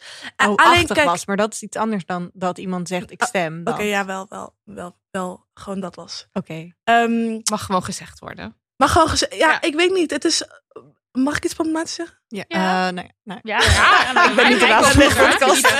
ik keek haar ook echt aan. Mag dat iets, ja? Goed, Titia, het is jouw podcast. Nou, zeg maar, dan kijk ik wel even of ik het eruit knip of niet. Ja. Nee, maar het is gewoon een bepaalde flair. Flair. Een allure van privilege die aantrekkelijk is. De allure van privilege, doen. nee, Het ik is begrijp zeg maar- het wel. Snap wat ik bedoel? Soort Ja, ik van snap dit man, wel. die mannelijke de toxicness, zeg maar. Waar, gewoon- waar je, ja. Mannen die dan zin hebben om ruimte in te nemen en I dat ook laten it. zien. En jij Man spread next to me, weet je wel? gewoon, I don't know. Het is zo gewoon van, Maar dit, I is, love it. maar dit is dus precies, eigenlijk- want hier krijgen we dus heel veel vragen over. Want het is heel vervelend tegelijkertijd met je feminisme, dat zo iemand dan, nou lekker mens bij de prima, maar ook al die racisme en seksisme en narigheid die Want ze helpen komt. niet om de wereld beter te maken. Terwijl Nee. jij doet hartstikke je best. En probeert een beetje gewoon je ding te doen. En dan krijg je dit, dat soort types. En dan, maar ja, Uiteindelijk knap je er dus op af. Want je, eerst, het plaatje kan Ja. misschien wel aantrekkelijk zijn. Maar dan hoeft er maar drie zinnen uit te komen. En dan is het eigenlijk alweer ja, jammer hè? Ik wil Ja. wel nuance heel jammer. daarin. Ik, ik heb het gevoel dat het ook wel uitmaakt hoe iemand reageert op het moment dat je er iets van zegt. Als, het, als iemand iets problematisch zegt wat heel erg te maken ook heeft met wat jij al, ehm, eh, wat heel diep in jouw onderwerp zit en ook wel eh, misschien de manier waarop die persoon het zegt, denk je, oh nou, dit is, dit is onveranderlijk of zo, of heel heftig. Maar ik denk dat er ook een- wel een soort grijs gebied is waarin iemand iets in mijn hoofd problematisch zegt. Maar misschien dat ik datzelfde ook wel zou hebben gezegd vier jaar Ja. geleden. En ik denk dat het er dan een beetje voor mij persoonlijk over gaat als ik daar dan iets over zeg of over vraag. Eh, wa- eh, waarom vind je dat Jordan Peterson wel op goede punten heeft? Zeg maar, Eigenlijk. eigenlijk. Nee, maar zeg maar, wat bedoel je daarmee? Wat voor punten dan? Want dan, want dan leer je ook gewoon iemand kennen wat die persoon bedoelt met zijn ehm, idealen. Waarom vind je dit eh, grappig of zo? En of dat je zegt van, oh, ik vind dat niet grappig. En dat je kijkt hoe er gereageerd wordt. Ik denk dat dat best wel ehm, voor mij ja, kan dat soms best wel kijken hoe daar dan op gereageerd wordt. Want niet iedereen houdt zich met dezelfde activistische dingen bezig. Maar dat betekent niet per se in mijn hoofd dat het dan slechte mensen zijn. Het betekent, kan wel betekenen dat het gaat Precies. eh, Ja. clashen met jouw levensstijl. Maar ja, dat, is, dat heeft dus denk ik heel erg te maken met wat jouw levensstijl daar precies in is. Mhm. En ik heb dus een podcast over de politiek. En dat helpt. Dus dat is mijn tip voor iedereen. Neem een podcast over politiek. Of schrijf een boek over Of over politiek. feminisme. of over feminisme. Ja, maar jullie zijn niet aan het daten, dus jullie weten niet. Oké, ik word aangekeken. How do you know? Nee, maar dus wat er dan gebeurt is dat in vrijwel in het eerste, wat, in het eerste gesprek al eh, in je WhatsApp of als je elkaar voor het eerst spreekt, gewoon in het echt van. Dan is het toch een beetje wat doe je of wat heb je gedaan? Of er, er- het gaat toch snel een beetje over iets. En dan zeg ik, oh, ik maak een podcast over de politiek bijvoorbeeld. En dan gaat het vrij snel al wel over politieke dingen. Ja. Dus dan, want Mhm. het gevaar, eigenlijk is het grootste gevaar, en jij zei het is een verborgen, een verborgen problematisch persoon. Die zijn het ergst. En daarom moet je dus een boek of een podcast of iets doen met het onderwerp waar je. Mhm. eh, Maar je kan ook gewoon zeggen, ik ben een boek aan het lezen en het heet eh, Waarom je niet zomaar moet stemmen waar mijn ouders op stemmen. Het gaat over politiek en dan heb je ook het onderwerp. dan heb je ook het onderwerp. Luister je wel eens naar Damn Honey? Ja. Feministische podcast. Ja, mijn lievelingspodcast. Ja. Ja, dat en is als ook die, een goed. als die persoon dan echt zo is van... Eeuw, feminisme, dan weet je genoeg. Ik wilde Ja, gewoon hoor. zeggen dat mijn leven heel makkelijk is qua Nou. daten. Want ik hoef alleen maar te zeggen, ik maak een podcast over de politiek. En ik weet meteen een, een Je beetje de krijgt al richting. een vermoeden van Ja. waar Ik krijg een zit. vermoeden waar iemand zit. En, Ja. en dat is eigenlijk heel prettig. Voor die persoon net zo goed als voor mij. Maar jij hebt Ja, toch ik- ook een... eh, sorry, ja? Nou ja, ik wil daar nog. Ik vind het interessant dat je dat zo zegt. En ik denk ook wel dat, dat ik daar ook wel mee eens ben. Ergens van dat het niet zwart-wit is. En dat soms goed is om, om door te vragen. Om te weten wat een ander eigenlijk precies bedoelt. En een soort van niet iemand meteen af te schrijven. Alleen ik merk bij mezelf. Als ik op date ga met witte mensen. Ja. Of weet je wel, of mensen die eh, gewoon ehm, op een bepaalde manier misschien op een, een heel ander leven hebben. Of meer, meer privilege hebben, wat dan ook Ja, dat, het, dat ik door de jaren heen wel mezelf heb moeten be- eh, beschermen. zeker. Op welke energie ik binnenlaat. En ehm, En ik vind dat ook, dat, dat is, daar ben ik het ook echt totaal mee eens. En ik denk ook dus heel erg dat het per situatie verschillend is van Ja, wat absoluut. iemand zegt. En wat, wat de red flag, om het maar even zo te noemen, is in die zin. En ook heel erg inderdaad voor jou waar dat bij jou heel erg treft. En daar ben ik het helemaal mee eens. Ja, Ja, want het gaat toch ook gewoon om iemand met Over wie je je date leven. en misschien wel later een Nou ja, relatie of zoiets Stel mee je, voor, stel je voor, iemand is ehm, eh, hoe zeg je dat? Tegen abortus. Dus ja, Anti-abortus? Ja. anti-abortus. Dan, en dan kom ik achter, nou, dat, daar kan ik nooit seks mee hebben. Nee. Nee. Want iemand, of gewoon, en überhaupt niet mee daten eigenlijk, want iemand... eh, Maar zou je dan dus tegen zo iemand zeggen: Oké, maar waarom ben je dan eigenlijk? Of zou je gewoon. nee, denken, nee, nee, dus klaar, dat is, ja. nee, dus dat is Ja, zoiets waarvan ik denk, ja, daar kan ik echt En niks zo mee. is dat want- voor iedereen natuurlijk En anders. zo is waar dat voor iedereen ligt. anders waar die lijn Ja. ligt en op wat voor onderwerpen die lijn ligt. Omdat dat heeft gewoon te maken met jij respecteert gewoon niet mijn keuzes als, als vrouw of gewoon van vrouwen, maar in dit geval ook van mij. Dus ik weet gewoon dat wij gaan clashen op heel Ja. veel Ja, precies. eh, vlakken. Ik denk ook wel, als ik op date ga met iemand die bijvoorbeeld wel dezelfde soort achtergrond heeft als ik, dat ik dan wel coulanter ben of zo. Ja. Over de dingen die ik, die ik soort van, waar ik met diegene in gesprek zou gaan nog. Ehm, en, en waarover niet. Bijvoorbeeld, ik ben ook wel eens eh, op date gegaan met iemand die heel erg lijkt op mij, of een dezelfde achtergrond heeft of zo, of dezelfde plek vandaan komt. Ehm, maar die was dus heel homofobisch. Mm. ja. Ja, en dan denk Nee, ik, ja, maar ja, ook ja, niks mee. Weet je daar wel? kan je inderdaad ook niks mee. nee, nee, sorry schatje. Nee, ja, dit is. You got to go. Ik zei het net heel stoer, maar het ligt inderdaad wel echt heel erg over. Wel, maar je voelt het Kijk, zelf wel aan. Je voelt zelf wel aan of het iets is waar je in door kunt vragen. ja, maar niet. eh, kijk, ik ben ergens, zo, zo, het laatste wat ik ga zeggen, eh, eh, ik ben het daar wel echt mee eens, want ik vind het zelf heel lastig om te manoeuvreren in de samenleving waar we nu in leven, waarbij iedereen in zijn eigen kamp zit. Eh, jij bent dit en ik ben dat en wij kunnen nooit met elkaar, want we moeten homps en met elkaar eens zijn of homps en met elkaar oneens, weet je wel, zo. En er is heel weinig ruimte voor nuance, heel weinig ruimte voor, eh, voor eh, oneens zijn met elkaar, omdat we allemaal ons eigen bubbel hebben op Twitter, op Instagram, met onze eigen vrienden en allemaal hetzelfde ongeveer vin- vinden, zeg maar. En dat op het moment dat je op een date gaat met iemand, je dat eigenlijk hetzelfde verwacht wat je allemaal om je heen ziet gebeuren en wat er in je leven speelt. Dus ik vind het idee wel leuk van iemand die je uitdaagt of misschien, weet je wel, net anders denkt of niet op hele fundamentele shit. Precies. Nee, precies. Maar het gaat over die kernwaarden Ja. waar je niet, waar je, waar je, waar je geen eh, concessies in doet. Maar Nee. voor de rest kan je natuurlijk inderdaad voor jezelf bepalen, Ja. dit is het waard of niet. Maar het sluipt soms wel door in, oh jij moet wel echt aan al mijn vinkjes, weet je wel, voordoen. Ja, ja. Voordat wij eh, samen kunnen zijn of zo. Of, eh, nou ja, nu ben ik gewoon aan het ratelen. Nee, vind ik niet. Ja. Erg helder, vond ik je. Dankjewel. Eh, Is ja. er een manier om het soort van het, het kaf van het koren te, te scheiden? Eh, Dat is waar ik net naartoe wilde. ja, dat dacht Titia. ik ook. Ja. Oh, Titia. Nou, oké. ik denk waar de meiden op doelen. De meiden, hallo. De dames. Is dat ik eh, een tijd lang... Nee, dat heb ik nog steeds, maar ik zit niet meer op Tinder. Maar dat is de, op mijn Tinder is mijn bio, als het goed is. Ik ben gewoon op zoek naar een linkse man. Dan is dat er maar uit. Dan is dat er maar uit. En, en dat het betekent helemaal niet dat ik per se... Oké, dit is de zin. En waarom het een goede zin is... Ik heb dit ook wel eens op Twitter gedeeld. En meerdere mensen hebben dit overgenomen. Je kunt namelijk ook op zoek naar een linkse vrouw, een links persoon schrijven. Dat kan- kan alle kanten op. Waarom dit zo'n goede is? Want eh, het is namelijk de mensen die denken... Ugh, links, ugh, wat voor een domme, domme bio is dit? Tut. Tuthola, linkse. Linkse tuinbroek. Tuinbroek. Die swipe je naar links. Dus die heb je meteen niet meer. Ja. En dat zijn ook niet de mensen die je wil. Maar de mensen die overblijven zijn of superlinkse mensen die echt identificeren als links. Of mensen die niet per se eh, zich identificeren als superlinks of links. Maar gewoon die het ook niet, Niet irritant vinden dat jij dat hebt opgeschreven.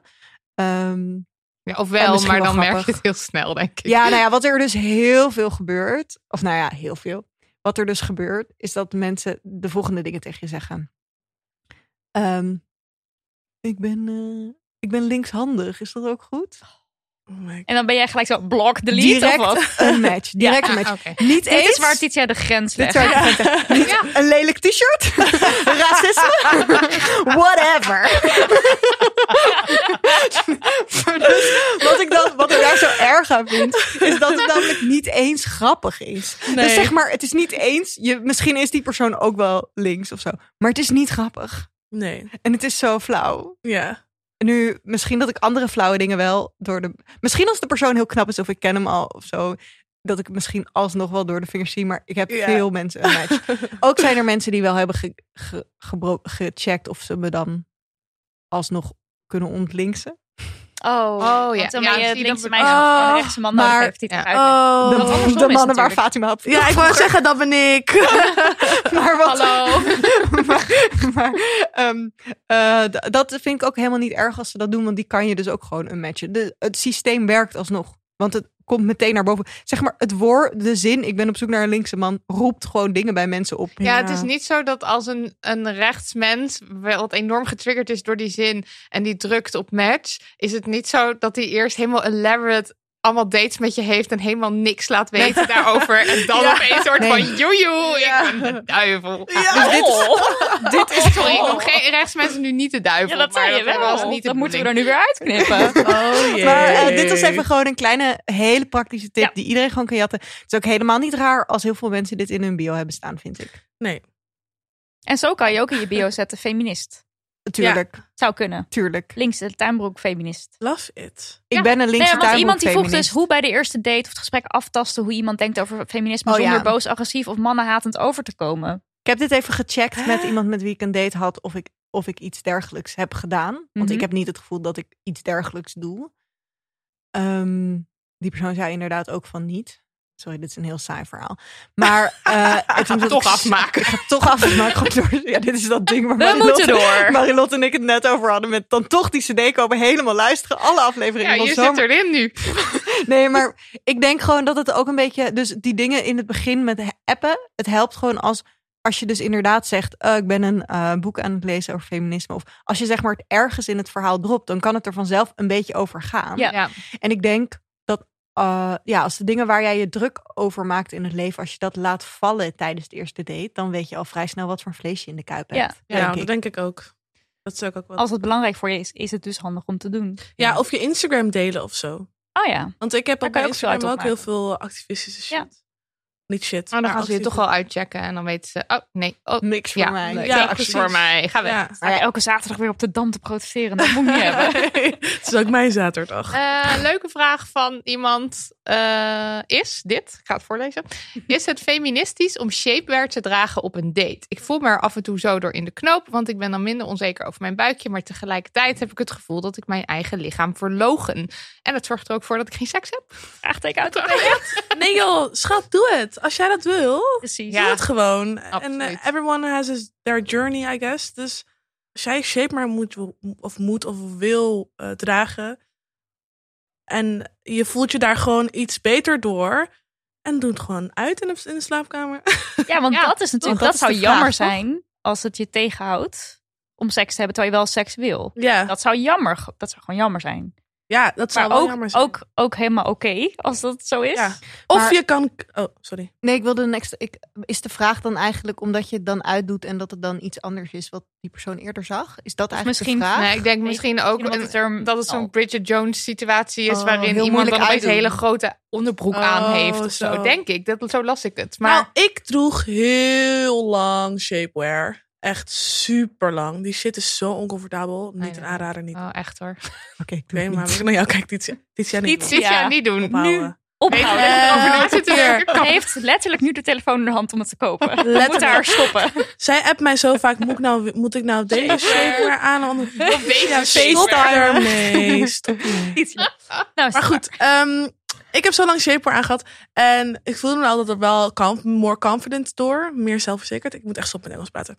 Nee, En nee, ik... gewoon zelf weten. Ja? Hallo, ja. Feminisme. Ik doe de vertaling wel.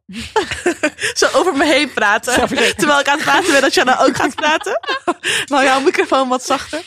Of nee, maar niet van mij. Maar niet uit. Eh, goed. Eh, en ik wilde er vanaf komen, want ik dacht, het is gewoon oncomfortabel. Het is fucking warm in de zomer, maar ook in de winter. Eigenlijk elk seizoen is het warm. Weten erin. Ja.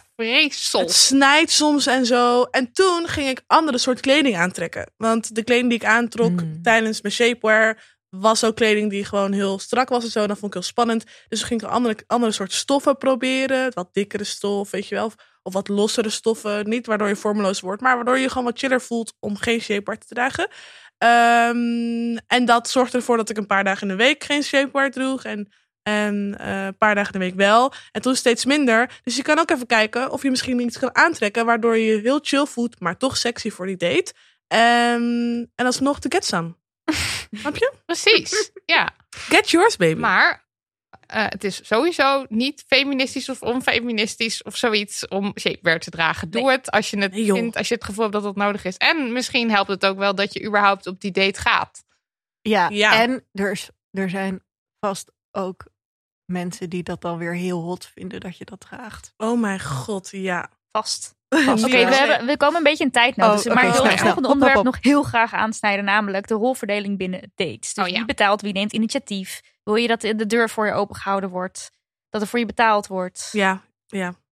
Ja, dat wil ik wel. Dat wil je allemaal. Courtship, weet je wel? Ja. Weet je, wat zei ik nou net? Vertroeteld worden. En maakt het dan gewoon ongeacht wie de persoon is. Gewoon altijd- Ja, dat maakt me niet zoveel uit ja, als het gewoon een leuk mens is. Maar ik vind het gewoon leuk om die rol zelf aan, te nemen. En ik vind het ook soms leuk om het zelf terug te doen. Dus ik eh, was ook laatst op een date, laatst, nou ja, tijdje geleden op date gegaan met iemand.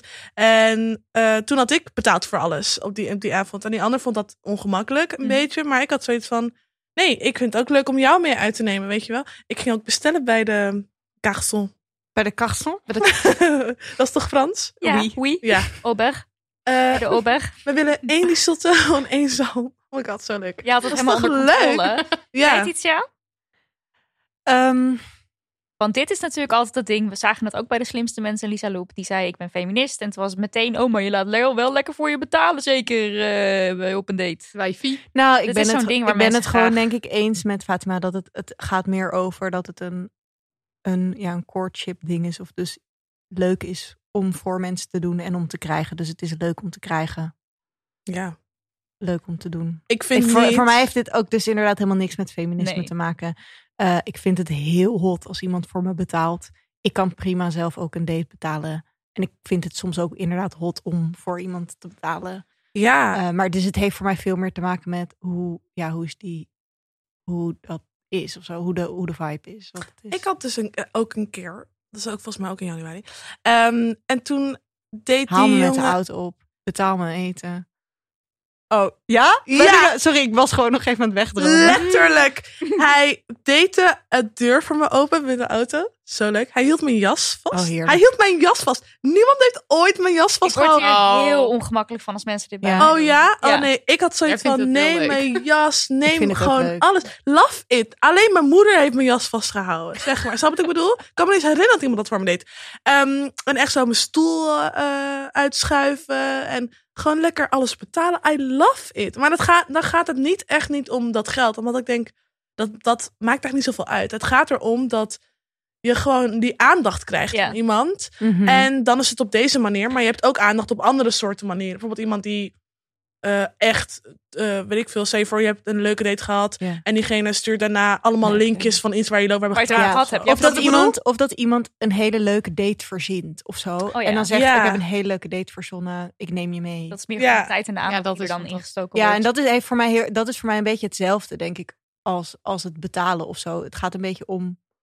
Laat iemand, ja, en dat, en, maar dat ligt dus ook erg op wie je, op wat voor soort persoon je valt. Dus ik vind het niks met feminisme te maken hebben. Ik vind het te maken hebben met op wat voor een persoon je valt en wat je zou willen en wat je terug zou willen doen. Match dat of zo bij elkaar. Maar ik, vind vond het, dus heerlijk. wel een best wel opvallend verschil toen. Ik bedoel, ik had natuurlijk mijn- mijn mijn pre-lesbietijd en mijn po-lesbietijd. Po? Post. Post Je. Mijn. Mijn po-lesbie. En eh, toen ik dus met mannen date, was het wel gewoon... En ik merkte dat ik daar dus zelf ook best wel in meeging. Van, eh, zij, zij betaalden. Dat was zeg maar vanuit hen heel erg de airs. En ik dacht, oké. want ja, ik bedoel, ook student. Dus dat vond ik gewoon prima. En dan dacht ik, heb je weer wat gratis. En eerlijk gezegd Heb je het... weer wat gratis? Maar dat kwam dus vooral omdat ik die dates dus niet leuk Nee. Money mindset. Ja, money mindset mensen. Ja, nee, dat dacht ik wel. Maar dat kwam dus ook omdat ik die dates dus niet zo leuk vond. Ja, en ik denk dus ook wel dat mijn, mijn houding was altijd een beetje... Deze dates worden mij aangedaan. Zoals het hele leven Ja, dan moet je er ook iets uit wordt. terugkrijgen. Ja. Dan moet je Ja, er niet ook nog eens voor betalen. Precies. En want ik vond eigenlijk al die dates stom. Maar eh, toen, ik met, toen ik met vrouwen ging daten, veranderde het gewoon heel erg. Want het ging meer in de soort van in welke vibe zit je? Vinden we het leuk? Eh, de- en ik vond het toen, ik vond het ook toen steeds leuker worden om zelf te zeggen van eh, dat iemand terugkwam van de wc en dan van zullen we gaan? Ik heb al betaald. Dat, Ja. dat is dan heel leuk. Oh, I love it. En dat, de, de, maar ik, ik, ik vond het grappig om te merken hoe erg ik al die jaren toch wel mee was gegaan in die houding van de man betaalt. En we kregen nu ook een berichtje binnen, eh, een date confession. Op een eerste date wil ik dat een man aanbiedt om te betalen. En dan zeg ik van nee, je hoeft niet. Ik kan ook betalen of we kunnen splitten. En dat ik vervolgens stiekem hoop dat hij erop staat om te betalen en dat vervolgens ook doet. Ik hoor gewoon al Sander Schimmelpenninck die dan dit fragment eruit geknipt heeft en dit op zijn Twitter zet Oh om te zeggen dat de vrouwen nog steeds Maar, zo zijn. maar ik vind, ik wil even terug, eh, genoeg over Sander. Even terug naar dit bericht. Ja. ik vind het helemaal niet een heel raar iets of zo. Want het gaat precies over wat Fatima net zegt. Je wil gewoon, het gaat niet, het gaat, waarschijnlijk zou die persoon het niet eens echt, dat vul ik nu een beetje, niet eens echt erg vinden als die persoon dan zegt, oké, we splitten. Nou, dan split je lekker, ook prima. Maar dat gewoon dat dingetje van, eh, eh, nee. in de watten gelegd worden. Ja, of Maar het is toch ook aandacht. wel, maar los van de aandacht is het toch ook gewoon een ding dat, dat je het aantrekkelijk kan vinden dat er een soort dominantie of ik bedoel dat kan, Precies. mag toch ook En dat kan- Maar, en dat kan allebei de kanten opwerken, denk ik. Eh, want dat wat ik zei, het ligt er dus ook een beetje aan op wat voor soort iemand je valt. Ja. Want ik val daar dus ook extreem op. Mhm. ik, daar kan je me heel makkelijk mee pakken. maar ik kan me dus ook voorstellen dat, dat er mannen zijn die dat dus niet leuk vinden om te doen. En dat is ook prima. Het is ook prima als een man iets anders leuk vindt om te doen. Ja. Maar dat is dan gewoon niet per se Een match. een match. Ik hou ook echt van masculine energy. Ik vind dat ja, ik hou daar ook heel fijn. erg van. Ja, wat zei ik nou net? Ehm, wat zei ik nou net? Ik weet het niet. Een gevoel van geborgenheid. Oh ja, Oh gevoel ja. van ja. Iemand Ja, gaat voor jou zorgen. lekker providen. Ja, en het helpt ook echt. Ja, ik weet niet. Ik vind, ik vind dat echt wel heel erg zo. En ik vind dat ook echt geen confession. Dat is echt geen confession. Nee, Althans, ze nee, noemde, nee. nee, ze noemde het een confession. Dat is eh, niet mijn... Nee, nee, Oh, ja, nee, in de zin van... Ja, zij noemt het een confession omdat ze er zelf over zeggen. Het is zo niet in Ja. lijn met mijn feministische overtuigingen. Ja. Maar het is wel degelijk een verlanging. Verwachten. Een verlangen Ja. en verwachting. Oeps, zegt ze. Ja. Ja, Dus ik nee. denk dat het bij haarzelf gewoon een beetje zo zit van... Heel erg schuurt. Ja. Nee, niet Ja. dat ik haar de ervaring invul. Maar meer zo van dat ik, dat ik denk van... Ik denk dat zoveel mensen het hebben. Ja. Maar net zoals ik ervaar ook wel wat Marilotte zegt, dat het ook heel leuk. Ik, ik vind het, kan het ook echt heel leuk vinden om voor mensen te betalen. Net zo Ik denk dat ik de eerste dates met Daniel allemaal betaald heb. Echt? Ja. uit Ik een, hou, ik hou er helemaal niet van als mensen voor me betalen. Ik snap ook het hele ding niet eigenlijk van, van al deze mensen hier. Van nou, ik wil niet betalen, dan krijg ik wat gratis. Ik word alleen maar heel Oh nee, nee, maar dat, maar dat ik denk dat is wat nooit. Marilotte net zei. Ja? Ja, maar je maar je weet was, allemaal. je Ja, twintiger Nee, gewoon hoor. Ja, maar het ja. idee dat het ook aantrekkelijk is dat voor dat heb ik dus helemaal niet. Want ik voel dan meteen een soort, wat ook nergens over gaat, maar een soort van verwachting dat als er iemand voor je betaald is, moet je misschien nog een keer op de. Ik moet het ja, allemaal niet hebben. Dat wilde Ik ik, heb liever de touwtjes zelf in handen. Ik wilde dat ik, de enige ehm, moment waarbij ik eh 100% en altijd betaal... is als ik de date echt niet leuk vind. Oh ja. En, eh, en dan denk ik, ik wil niet eens vragen om te splitten. Ik betaal het gewoon, dan is het gewoon klaar. Weet je wel? Dan Ja, we Maar meer... dit ook. Geen vast. Gewoon betalen. Ook het liefst wat jij zegt van iemand is weg. Nou, ik betaal wel even. Hoeven we daar ook niet meer over te nou hebben. ja, dat, ja. Dat gedoe altijd met ook- geld. heb ik ook wel eens heel gedaan. Ja. Gedoe met geld hou ik ook inderdaad niet van. Dus dan ben ik ook nog wel eens dat ik zeg, oh, ik betaal Ja, wel. ja, dat, ja, dat herken ik wel. Maar Dan is het makkelijker. bij mannen was het dus altijd zo. Ik ga even betalen. En dan dacht ik, oké. Oké. We moeten. Is er nog een laatste ding wat jullie moeten zeggen? Ja, over shit, ik iets? Mogen we het nog even over die zelfverzekerdheid hebben? Oh ja, dat was een vraag. Dat is dan de laatste Ja, vraag. dankjewel. Helaas is het de laatste vraag. Ik heb soms het gevoel dat mannen geïntimideerd zijn als ik te zelfverzekerd overkom. Why? Is de vraag. Ja, Nidia deed een hele goede performance met haar Ja, gezichtsuitdrukking. waarom is dat toch zo? Ja, ik heb hier dus even over nagedacht. Daarom wilde ik er nog wat over zeggen. Mhm. En ik vroeg me gewoon heel erg af, wat, wat verstaat zij onder zelfverzekerdheid? Want ik heb niet het gevoel dat mannen per se afgeschikt zijn. Af, is dat een woord? Ja, afgeschikt worden? zijn, afgeschikt worden door zelfverzekerdheid eh, in een vrouw, maar misschien meer door eh, bepaald dominant gedrag. En, Of gewoon een eigen wil en een eigen een- idee hebben over Ja, de dingen. en maar dat zijn niet, dat zijn er dan. En, en dat komt weer terug met het betalen en het niet betalen. En je moet gewoon inderdaad zoeken met iemand. Dus je bent op zoek naar iemand die dat, eh, die, die dat vet vindt of zo. Dus als jij, ehm, want je kan, je kan heel zelfverzekerd zijn, maar ook heel ehm, volgzaam. Dat kan heel goed samengaan. Oh, zo. Ja, ja, ja. Het gaat niet zozeer om het zelfverzekerd zijn, maar meer over je eigen ding kiezen, je eigen pad gaan. Denk Dat- jij dat dat een man aan Ja, of bijvoorbeeld- kunnen vinden? Dat zou kunnen, of nee, niet, ja, maar dus dat gaat dus ook niet over alle mannen. Nee, nee. Maar zeg maar, het kan Not zijn. all men, Titia. Ja, not all men. het kan zijn dat het intimiderend gevonden kan worden als je zegt, we doen, we gaan nu. Maar dit, dit, dit vraag ik me dus af. Ja, wat onder wat- zelfverzekerdheid staat. Ik kan me voorstellen dat er mannen zijn die het intimiderend is misschien dan ook niet, maar die bij wie het niet past als die andere persoon heet dat zegt, we gaan nu dit doen, we doen het nu op deze manier. Ik wil Omdat dat zij het zo zelf en al zo de, gaat. de dominante zijn. Ja. ja, ja. En die vinden het dus heel prettig om dat te kunnen doen. Om dus te kunnen zeggen, we gaan het nu zo doen. Eh, zullen we dit en dat doen? Ehm, dus ik kan me voorstellen dat, dat dat... Daar wilde ik gewoon nog even iets over benoemen. Dat die, Ik ik moet want- eigenlijk even weer terug horen van de luisteraar. ja, want, want zelfverzekerd... Ik heb nog nooit ervaren dat, ehm, dat zelfverzekerdheid... Want zelfverzekerdheid geeft jou juist een soort extra ja, volgens mij ook. flair. Ja. Het enige wat ik me voor kan stellen, dat er mannen zijn die zelfverzekerde vrouwen niet aantrekkelijk vinden, omdat ze een onzeker iemand zoeken om Ja. vervolgens te Ja. kunnen controleren. Maar het is toch ook een heel erg een ding dat vrouwen, zeg maar, het is toch niet oké als je over jezelf zegt: ik ben een lekker wijf en ik ben er gewoon. Dat is toch. ja, maar je hoeft toch niet zelf, je hoeft toch niet als je zelfverzekerd bent tijdens een date te zeggen: ik ben een lekker wijf. Nee, maar ik bedoel, het is toch een soort houding of zo die je wellicht aanneemt. Nou ja, ik heb dus... Die mannen dan onaantrekkelijk, onaantrekkelijk kunnen vinden. Ik denk dat het ook, althans bij mij, heel erg zo is. Want ik, ik deel dat ergens wel wat deze luisteraar zegt. Ehm, dat het niet per se iets is wat uitgesproken is. Maar een soort van, als ik vertel over wie ik ben en wat ik doe. En Ja, en gewoon dat je daar gewoon voor staat. kom. Ja, Dat, ik, dat ik gewoon standvastig ben in bepaalde meningen of zo. Dat ik al snel merk dat de ander, niet altijd hè, maar in sommige situaties, de persoon die tegenover me zit, en dat zijn vaak mannen, die dan niet zo goed weten hoe ze Daartoe eh, moeten verhouden. ja, welke positie zij, zij moeten aannemen of zo. Of ja, of daartoe. Maar dit gaat dan toch heel erg over vrouw moet eh, een beetje kleiner en niet te veel ruimte innemen. En man is Ja. gewend om Man ruimte het in wel even vertellen hoe Ja, het zit. dat. En dat, kan, dat, gaat er dus niet, dat gaat niet op bij jou dan, bijvoorbeeld, bij Fatima. Ja, ja. Als, je, als jij gewoon zegt dit en dit en dit en dit. En dan denken zij, Ja. huh, maar, huh, huh, maar ik ben gewend dat ik zeg dit en dit en dit. En dat de vrouw Ja. zegt, oh ja, mooi, is goed. Ja, oh echt, Ja. ik doe echt niet zoveel. Ja, maar als zo. een man dus Ja. daar naar op zoek is, Ja, dan moet je dus maar blij zijn. Dat ja dan, niet- dan kan je maar beter weggaan. Ja. ja, ik weet ook niet of het, of het geïntimideerd is. Ik denk dat ze gewoon Maar geen houding is letterlijk. Ja, sorry. Ja, nou ja, dat wat je zegt, geen houding is natuurlijk iets anders dan geïntimideerd zijn. Want ze willen nog wel voor de rest met jou op date dan. Ja, dat denk ik wel. Ik denk dat ze gewoon. Of Dat ze gewoon niet weten wat ze ermee Ja. aan moeten. Hé, wat is dit nou? Ja, gewoon letterlijk. Dat denk ken ik, ik niet. echt. Ja, dat denk Heel ik echt. vreemd. maar misschien vinden ze dat dus ook wel juist Ja, dat weer denk interessant. ik. Dat ik kan. zou- Dat ik kan. vind het hot. Nou ja. Ik vind het hot. allerlaatste Voor de vraag. lezer. het ook hot. lezer. Er staat al half iemand op de trap, hè? Oh ja, echt? Nee. Oh. Nee, maar ik wilde nog wel even één ding vragen. Want de eerste keer dat jij te gast was bij ons, hebben we het gehad over MS en Oh, over ja. onzichtbaar ziek zijn. En of je dat wel of niet noemt, is dat een onderwerp?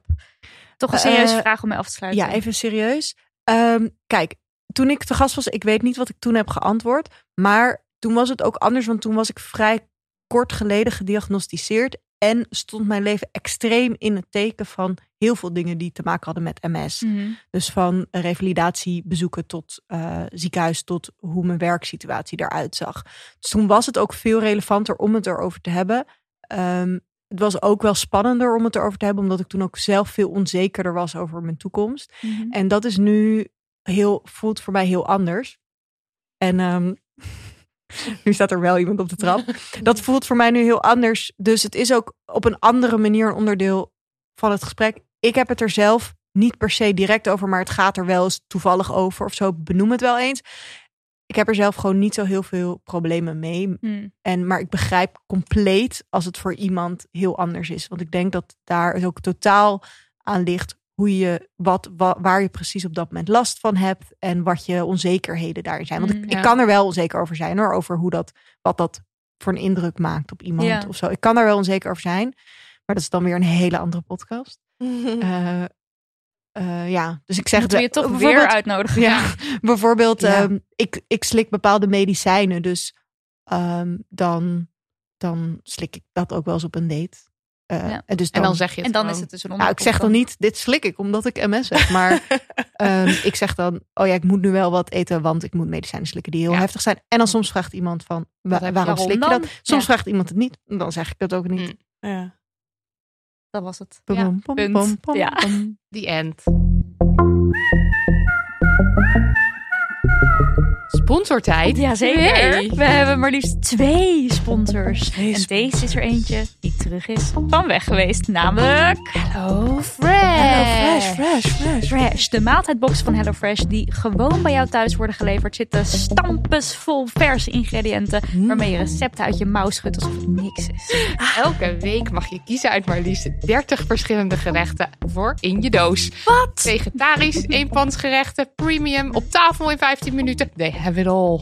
Die hebben het al. Jij, Marilot, had Ja. laatst een dubbeldate, hoorde ik. Ja.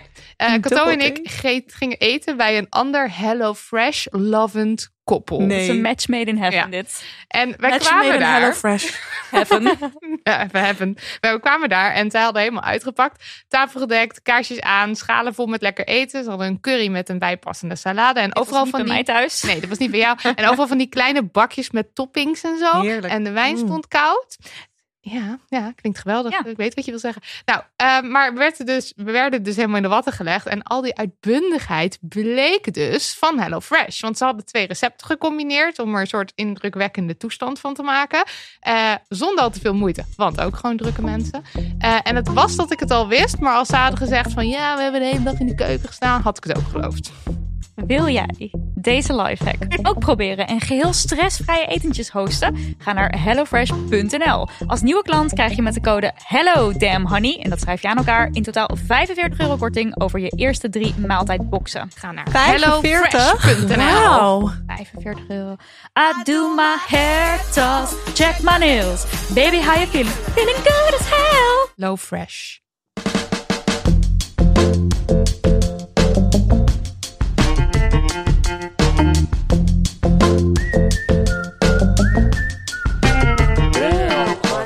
Tijd voor onze afsluiter.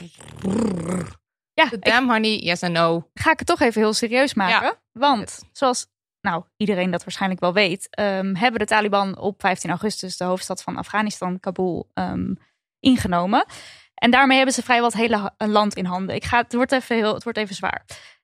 Het vorige Taliban-regime, dat was eh, in eind jaren negentig, dat was heel hard voor mannen, maar eigenlijk nog harder voor vrouwen. Dus die, die mochten niet naar school, niet buitenshuis werken, verplicht een boerka dragen, alleen onder begeleiding van een mannelijk familielid over straat. Stenigen bij overspel, nou echt ehm, afschuwelijk. En eh, nu zijn ze dus weer eh, daar. En de situatie voor vrouwen is dus, ehm, ja, dat, daar maken mensen zich heel erg druk om. Ondanks dat de Taliban dan nu gezegd hebben van ehm, eh, de, de rechten van de vrouwen, die eh, zullen wij ehm, eh, in stand houden volgens de regels die wij, ja, die wij dan zelf in gedachten hebben. Maar goed, ehm, de mensen daar, die zeggen van ja, goed, ze kunnen dit allemaal wel zeggen, maar het is waarschijnlijk propaganda of ja, we weten het gewoon niet. Het is gewoon heel eng dat je, je hebt je vrijheden weer verworven en opeens is eigenlijk alles weer van waar gaat het heen, wat er gaat er gebeuren, we weten het allemaal niet. Ehm, en NRC die heeft eh, twintig Afghaanse vrouwen geïnterviewd, alweer een maand geloof ik geleden. En eh, ik zal ook de link in de show notes zetten. En zij geven ook allemaal stuk voor stuk aan dat ze bang zijn om die vrijheden dus eh, te verliezen.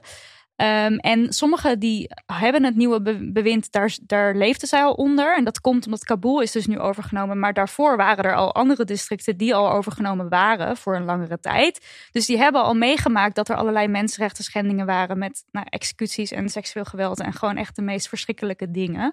En ehm, ik las ook in een ander stuk dat eh, Anne eh Kwakkenbos, geloof ik heet zij. Als ik het fout zeg, sorry mevrouw. Zij is genderexpert bij eh, de hulporganisatie Cordate. En ehm, die zei tegen de NOS dat ze zich er ook echt zorgen over maakt. En de quote die ze gaf is: Ze zeggen dat ze de rechten van vrouwen zullen respecteren, maar het kan ook een propagandastunt zijn. De afgelopen dagen hebben we al dingen gezien die daarop lijken te wijzen. Zo werd een vrouwelijke nieuwspresentator van de staatsomroep al vrij snel door de Taliban van het scherm verbannen. Dus dat is een voorbeeld. En ik las een ander interview met. ehm, de captain van het Afghaanse rolstoel basketbalteam, van de vrouwen, vrouwenteam. Nilüfer Bayat heet zij. En zij vertelde aan de Guardian dat zodra de Taliban Kabul binnenkwamen, dat zij wist van oké, nu moet ik echt weg. Want ik heb me uitgesproken voor vrouwenrechten. Ik speel basketbal. Sport is niet oké. Uh, en ze zei, I knew they would kill me. Dus zij is ook uiteindelijk gevlucht uh, naar Spanje. Um, en is alles kwijt wat ze had. Dat is natuurlijk al, dat is gewoon verschrikkelijk. Uh, en op vluchtelingenwerk.nl kwam ik een lijst tegen met andere groepen die ook gevaar lopen. En dan de groepen die zij specifiek noemde, zijn mensen die hebben samengewerkt met de buitenlandse troepen. Zoals de tolken. Nou, die zijn ook in veel Nederland in het nieuws geweest. Hè? Of die dan wel of niet naar Nederland uh, mochten komen. Maar ook bijvoorbeeld etnische minderheidsgroepen. Uh, die regelmatig worden ontvoerd of uh, nou, gemarteld of gedood. Of ook verschrikkelijke dingen. LHBTQ-plussers is ook een groep die gevaar lopen. Um, het is gewoon een heel groot verschrikkelijk verhaal. En dan kom ik bij de rol van Nederland hierin. Wat ook echt een enorme damn honey no is. Ik luisterde de politieke podcast van de Volkskrant. Dat heet de Kamer van Klok. En daarin was een journalist, Natalie uh, Wrighton, te gast. Die heel veel lang in Afghanistan heeft gewerkt. En ook nu veel contact heeft met mensen daar die haar geholpen hebben toen zij nog daar zat voor haar werk. En zij zegt, de Nederlandse overheid, die wist wel degelijk van er moet iets gebeuren. Er was ook een Kamermeerderheid om bijvoorbeeld uh, de tolken naar Nederland te halen. En dat is niet gebeurd.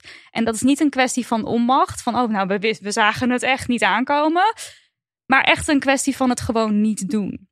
En uh, zij zegt ook bijvoorbeeld over het maken van een evacuatieplan. Dat had er gewoon moeten zijn. Weet je wel, dat is niet zo van, oh, opeens gebeurt dit nu. We wisten, we zagen het allemaal niet aankomen. Want dat is nu heel erg wat er de hele tijd gezegd wordt. Hè. We werden hierdoor Gewoon zo raar. Want je gaat uit van gewoon Precies. Een, een en er had gewoon een plan moeten zijn. Dat zegt dus die journalisten ook met, weet je wel, welke mensen nemen we mee? Welke auto's gebruiken we? Welke routes? Weet je wat, dat was er allemaal niet. Gewoon letterlijk was er niet een lijst Ja. met deze mensen die werken uh, voor ons. Dus die, die moeten we zo snel mogelijk um, Ja. uh, veiligstellen. Um, en bijvoorbeeld Frankrijk was dus al in juli bezig met evacueren. Dus het is ook heel raar om te zeggen van dit is echt totaal um, uh, verrassing voor ons.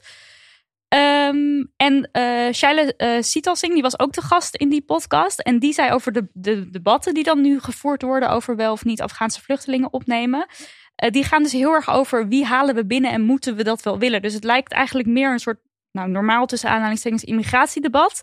Wat helemaal niet op zijn plek is. Er zit op hartstikke veel haast achter. Ja, het is echt zo nu meteen actie. Um, uh, stuur commando's of stuur mensen die gewoon precies weten. Weet je wel, we nemen een konvooi en we, we regelen het. We fixen het gewoon. Terwijl op het moment van die podcast opname was het dus letterlijk zo dat er Nederlandse uh, leger, waren maar 60 mensen geloof ik, die dan uh, op een muur bij het vliegveld mensen probeerden een muur over te trekken. Dat was zeg maar de hulp die, die geboden kon worden. Punt. Ja. Dat Ik- was het. Ik heb de. Ik weet niet, mag ik onderbreken? Ja, natuurlijk. Ja, ja, ja, heel graag. Ik heb dus de afgelopen eh, week met eh, zo'n tien gezinnen, de Nederlandse staatsburgers gesproken, die allemaal in Afghanistan zitten. En omdat ze daar op familiebezoek zijn gegaan of iemand is overleden of zo, weet je wel. Daar, Die zitten daar niet vast. die zitten daar nu gewoon vast. Het zijn gewoon Mhm. mensen zoals jij en ik, met een Nederlands paspoort, in Nederland geboren. Gewoon, eh, of later een Nederlandse nationaliteit hebben gekregen. En die al dagenlang, wekenlang eigenlijk zelfs, in angst Ja. eh, ergens in op, op een onderduikadres zitten. Omdat Buitenlandse Zaken en Defensie hen gewoon geen hulp biedt. Met hoe ze naar het vliegveld kunnen komen. Precies, want je kan er wel heen gaan. En Nederland kan ook wel een vliegtuig sturen. Maar als jij vervolgens niet, niet naar binnen kan, omdat, omdat je gewoon niet toegelaten wordt. Ja, Ja. er moet meer. Ik zit gewoon zo van, de, dan kan Nederland, of tenminste, dan kan, kunnen de gesprekken soms zo gaan over Nederland superieur land of zo. En dan denk je, Ja. je hebt die, je hebt, hoe kan je dat? Wat? Ja, wat, wat, die, wat die journalist, die Wright en wat zij dus zijn in de podcast, ze zei letterlijk, hier voltrekt zich een groot humanitair drama. En Nederland staat erbij en kijkt ernaar. Ja. En we zijn mede verantwoordelijk. En wederom lijkt het niet alsof er iemand aftreedt of dat er iets gebeurt. Of, en Mark Rutte is weer, doet weer zijn grote verdwijntruc. Hè, wat hij altijd doet als het een beetje een penibele situatie Oh. wordt. Ik zou sowieso aanraden om die podcast te luisteren. Want het is heel verhelderend als je denkt van ja, ik, heb, ik weet niet zo goed. Ja. Ik probeer het nu wel uit te leggen, maar je kan beter zelf luisteren. Ik kan me voorstellen dat je denkt, wat kan een mens doen? Want het is natuurlijk heel heftig nieuws weer. Nou, er is een demonstratie, maar op de dag dat wij verschijnen, dan is die al. Dus dat wordt Ja. lastig. Maar je kan bijvoorbeeld doneren. Dat wordt ook op veel, op veel eh, op nos.nl en zo. Weet je, je leest veel stuk van wat kunnen we doen. Nou, doneren is altijd goed. Stichting Vluchteling, Cordate, vluchtelingenwerk.nl. Eh, en ik heb ook al wat initiatieven voorbij zien komen van mensen die zelf iets regelen. Bijvoorbeeld omdat ze in de buurt van een AZC wonen. En dan met, met luiers en eh flesjes en zo. Bijvoorbeeld, ik zag bij jouw story, Ja. Titia, dat je dat deelde. Eh, en spreek je uit, want dus dat die discussie nu gevoerd wordt van hm, wie halen we dan binnen? Dat, dat laat zo zien dat po- politie zijn gewoon bang om op te komen voor vluchtelingen, omdat er een soort klimaat heerst van dat moeten we niet in Nederland en dat moeten we wel in Nederland. En we moeten klaarstaan voor die mensen en we moeten ze helpen. Ja, ja. het, is, het is echt heel frustrerend. Zeker als je weet inderdaad dat Frankrijk al in juli begon met de evacuatie. Ongelooflijk. Niet alleen maar. En onze ambassadeur die is gewoon, die is gewoon weggekomen. Da- ja, daarover vertelde Wrighton wel dat zij was tijdelijk niet in het land. En dat heeft te maken met het is heel zwaar werk. Dus je doet dat een soort van on en off. Ja. En ze is wel teruggegaan toen dit eenmaal aan de hand was. Ja, precies. Dus ja, het is, en wat ik het in elk geval het meest schrijnende vond, is dat eh, onze overheid niet kon zeggen hoeveel Nederlanders daar zitten. Dat is heel weinig informatie. En dat zo'n lijst er niet is. Dat ze wel een evacuatiereis hebben, maar dat ze niet weten hoeveel mensen dat ze er zijn. Ja. Dat, dat andere landen die zorgen ervoor dat zij zeg maar, op bepaalde ophaalpunten hun burgers naar het vliegveld brengen. Om vervolgens Precies. dan op een vliegtuig te kunnen stappen. Maar Nederland zegt gewoon: kom naar een noordelijke poort, poort. Ja, kom Ja, maar naar het oostelijke En daar worden poort. letterlijk mensen ook doodgeschoten. Ja, ik heb Er- ja, zeg maar, omdat ze tussen vuren in zitten. Het Ja. is gewoon heel gevaarlijk. Er is traangas. Ja, Ja. ik had contact met een 14-jarig meisje en een 16-jarig meisje. En die zeiden, bij, die zeiden beide van, ja, wij durven gewoon niet meer. Ik had contact met een meisje van, eh, of een vrouw eh, met haar eenjarige zoontje en haar man. Die daar tot zes keer toe, of tot vijf keer toe naar het vliegveld zijn gegaan. En elke keer met, eh, ja, echt doodsangst. gate Ja. Of zo. En dan kan je eigenlijk gewoon niet heen, want je Nee. loopt Ja. levensgevaar. Ja, het is, het- ik, ik, ik vind de hele situatie echt Ja, heel, heel erg. Maar Ja. hoeveel onze eigen burgers Ja. daar Laten zitten. te laten zitten in de shit, gewoon letterlijk, is echt eh, wel echt En schijn. waar kunnen we jouw eh, interviews, kunnen we dat ergens al terugzien of lezen of luisteren? Of- Eh, ja, volgens mij is dat. Het is voor- op het nieuws geweest op de afgelopen paar dagen. Ja, ik weet. nou, ik ga, ik er- ga ja, het zet het eraf. even in Ja. de show notes. Ik zit gewoon als. Ja, ja. Goed. Nou, ik doe even een yes dan, om toch eventjes weer, dat we dan even misschien iets, iets luchtiger. Ik doe een klein carouselletje namelijk. Oh. Er zijn twee leuke feministische baby's geboren. Eh, Carmen Felix, die was de gast in aflevering 43, over alle ballen in de lucht houden, is bevallen van baby Vesper. Echt zo'n leuke naam. Ja, en Sabine Staartjes, onze kledinggoeroe, die ons altijd in glitterpakjes en neonkleuren steekt, die is nu moeder van baby Riff. Dus naam. gefeliciteerd jullie. Zo leuk, ja. leuk, zo leuk. Nou, en dan het tweede ding is dat het boek van Suze Zelstra eh, uit is. Zij was de gast in aflevering 11 over vrouwen in de wetenschap. En in die aflevering eh, had ze het er al over dat ze een enorm onderzoek aan het doen was. En na jaren onderzoek, want godzakken wat een klus, is haar boek er. Het boek heet De Voormoeders. Ja, het komt bijna, hè? Het is er nu nog. Oh nee, het is er nu nog niet. Het komt uit. Het komt 8 volgende week. is de 8 september is de boekpresentatie, klopt. En eh, dit boek, De Voormoeders, werpt nieuw licht op de belangrijke rol van vrouwen in Nederlands-Indië. Het is het vergeten verhaal van de Europees-Aziatische vrouwen die de radaren van de samenleving vormden. En het is een beetje van, als je eh, de geschiedenis over de VOC, als je daaraan denkt, dan denk je denk ik voornamelijk aan mannen. En eh, zij was heel erg van mannen, je weet mijn gevoel erbij. Eh, en zij was eh, van, zij, zij ging in haar eigen familie duiken, um, um, want haar familie komt, ja, komt, ja, had volgens mij zat zij, zaten haar voormoeders ook op uh, plantages, ja, suikerplantages. En zij is daar helemaal ingedoken en kwam erachter, de, die de vrouwen hadden zoveel meer uh, te zeggen en waren zoveel meer belangrijk dan, dan we nu doen dan we konden vermoeden of dan we nu doen blijken. Dus uh, zij, is, uh, zij heeft daar jarenlang onderzoek naar gedaan en uh, haar boek komt dus uit. Um, ja, haar collega Annaluna Post, die mocht het boek al wel lezen, begreep ik. En die was helemaal van, het is fantastisch, geweldig. Die kwam ik vandaag tegen. Ja. ja. Die kwam jij vandaag tegen. Wow. Dus 8 september is de online boekpresentatie. Uh, daar kun je heen. Ik zal wel eventjes de dingetjes, of daar kan je naar kijken. Dan zal wel even dingetjes show in de show notes zetten. Ja. En als laatste dingetje, we hebben er net al even genoemd, Lotte van Eyck. Lotte van Eyck heeft een kledingmerk gelanceerd, House of Love Het is een inclusief kledingmerk van maat S tot en met XXXXL. denkvak. En het is made by fat people, for fat people. En het is, nou ja, de, de modellen zijn inclusief, de maten zijn inclusief. Het zijn printjes uh, waarvan zij zelf zegt: uh, kijk, de meeste, de meeste uh, kleding voor dikke mensen is een soort van schreeuwt: jij moet je verbergen. En dan maken we het saai, grijs en zwart. En zij zit van: nee, dat doen we niet. Dus zij heeft prints en kleuren en het is geweldig. En je kan van alles combineren. Ga daar kijken. Ik zet haar website in de show notes. Dit was aflevering 74. Fatima, yes. Titia, doei. Dank jullie wel. Jij ook. Love jullie ook bedankt. Leuke date. Allemaal bedankt. Ja, dit was een leuke date, hè? Dat, dat was een, hele leuke date. Dat was mijn eerste date met jullie. Ik breng ze even naar huis met de auto. Zij brengt me naar huis.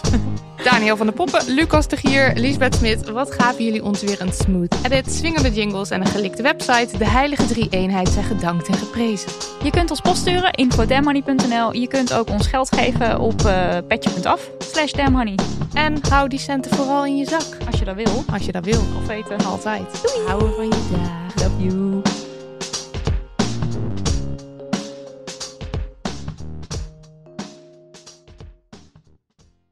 Nog even over die grootse en epische muziektheatervoorstelling. Het achtste leven voor Brilka is een marathonvoorstelling van 5 uur. Koop je tickets voor deze bijzondere theateravond via oostpol.nl.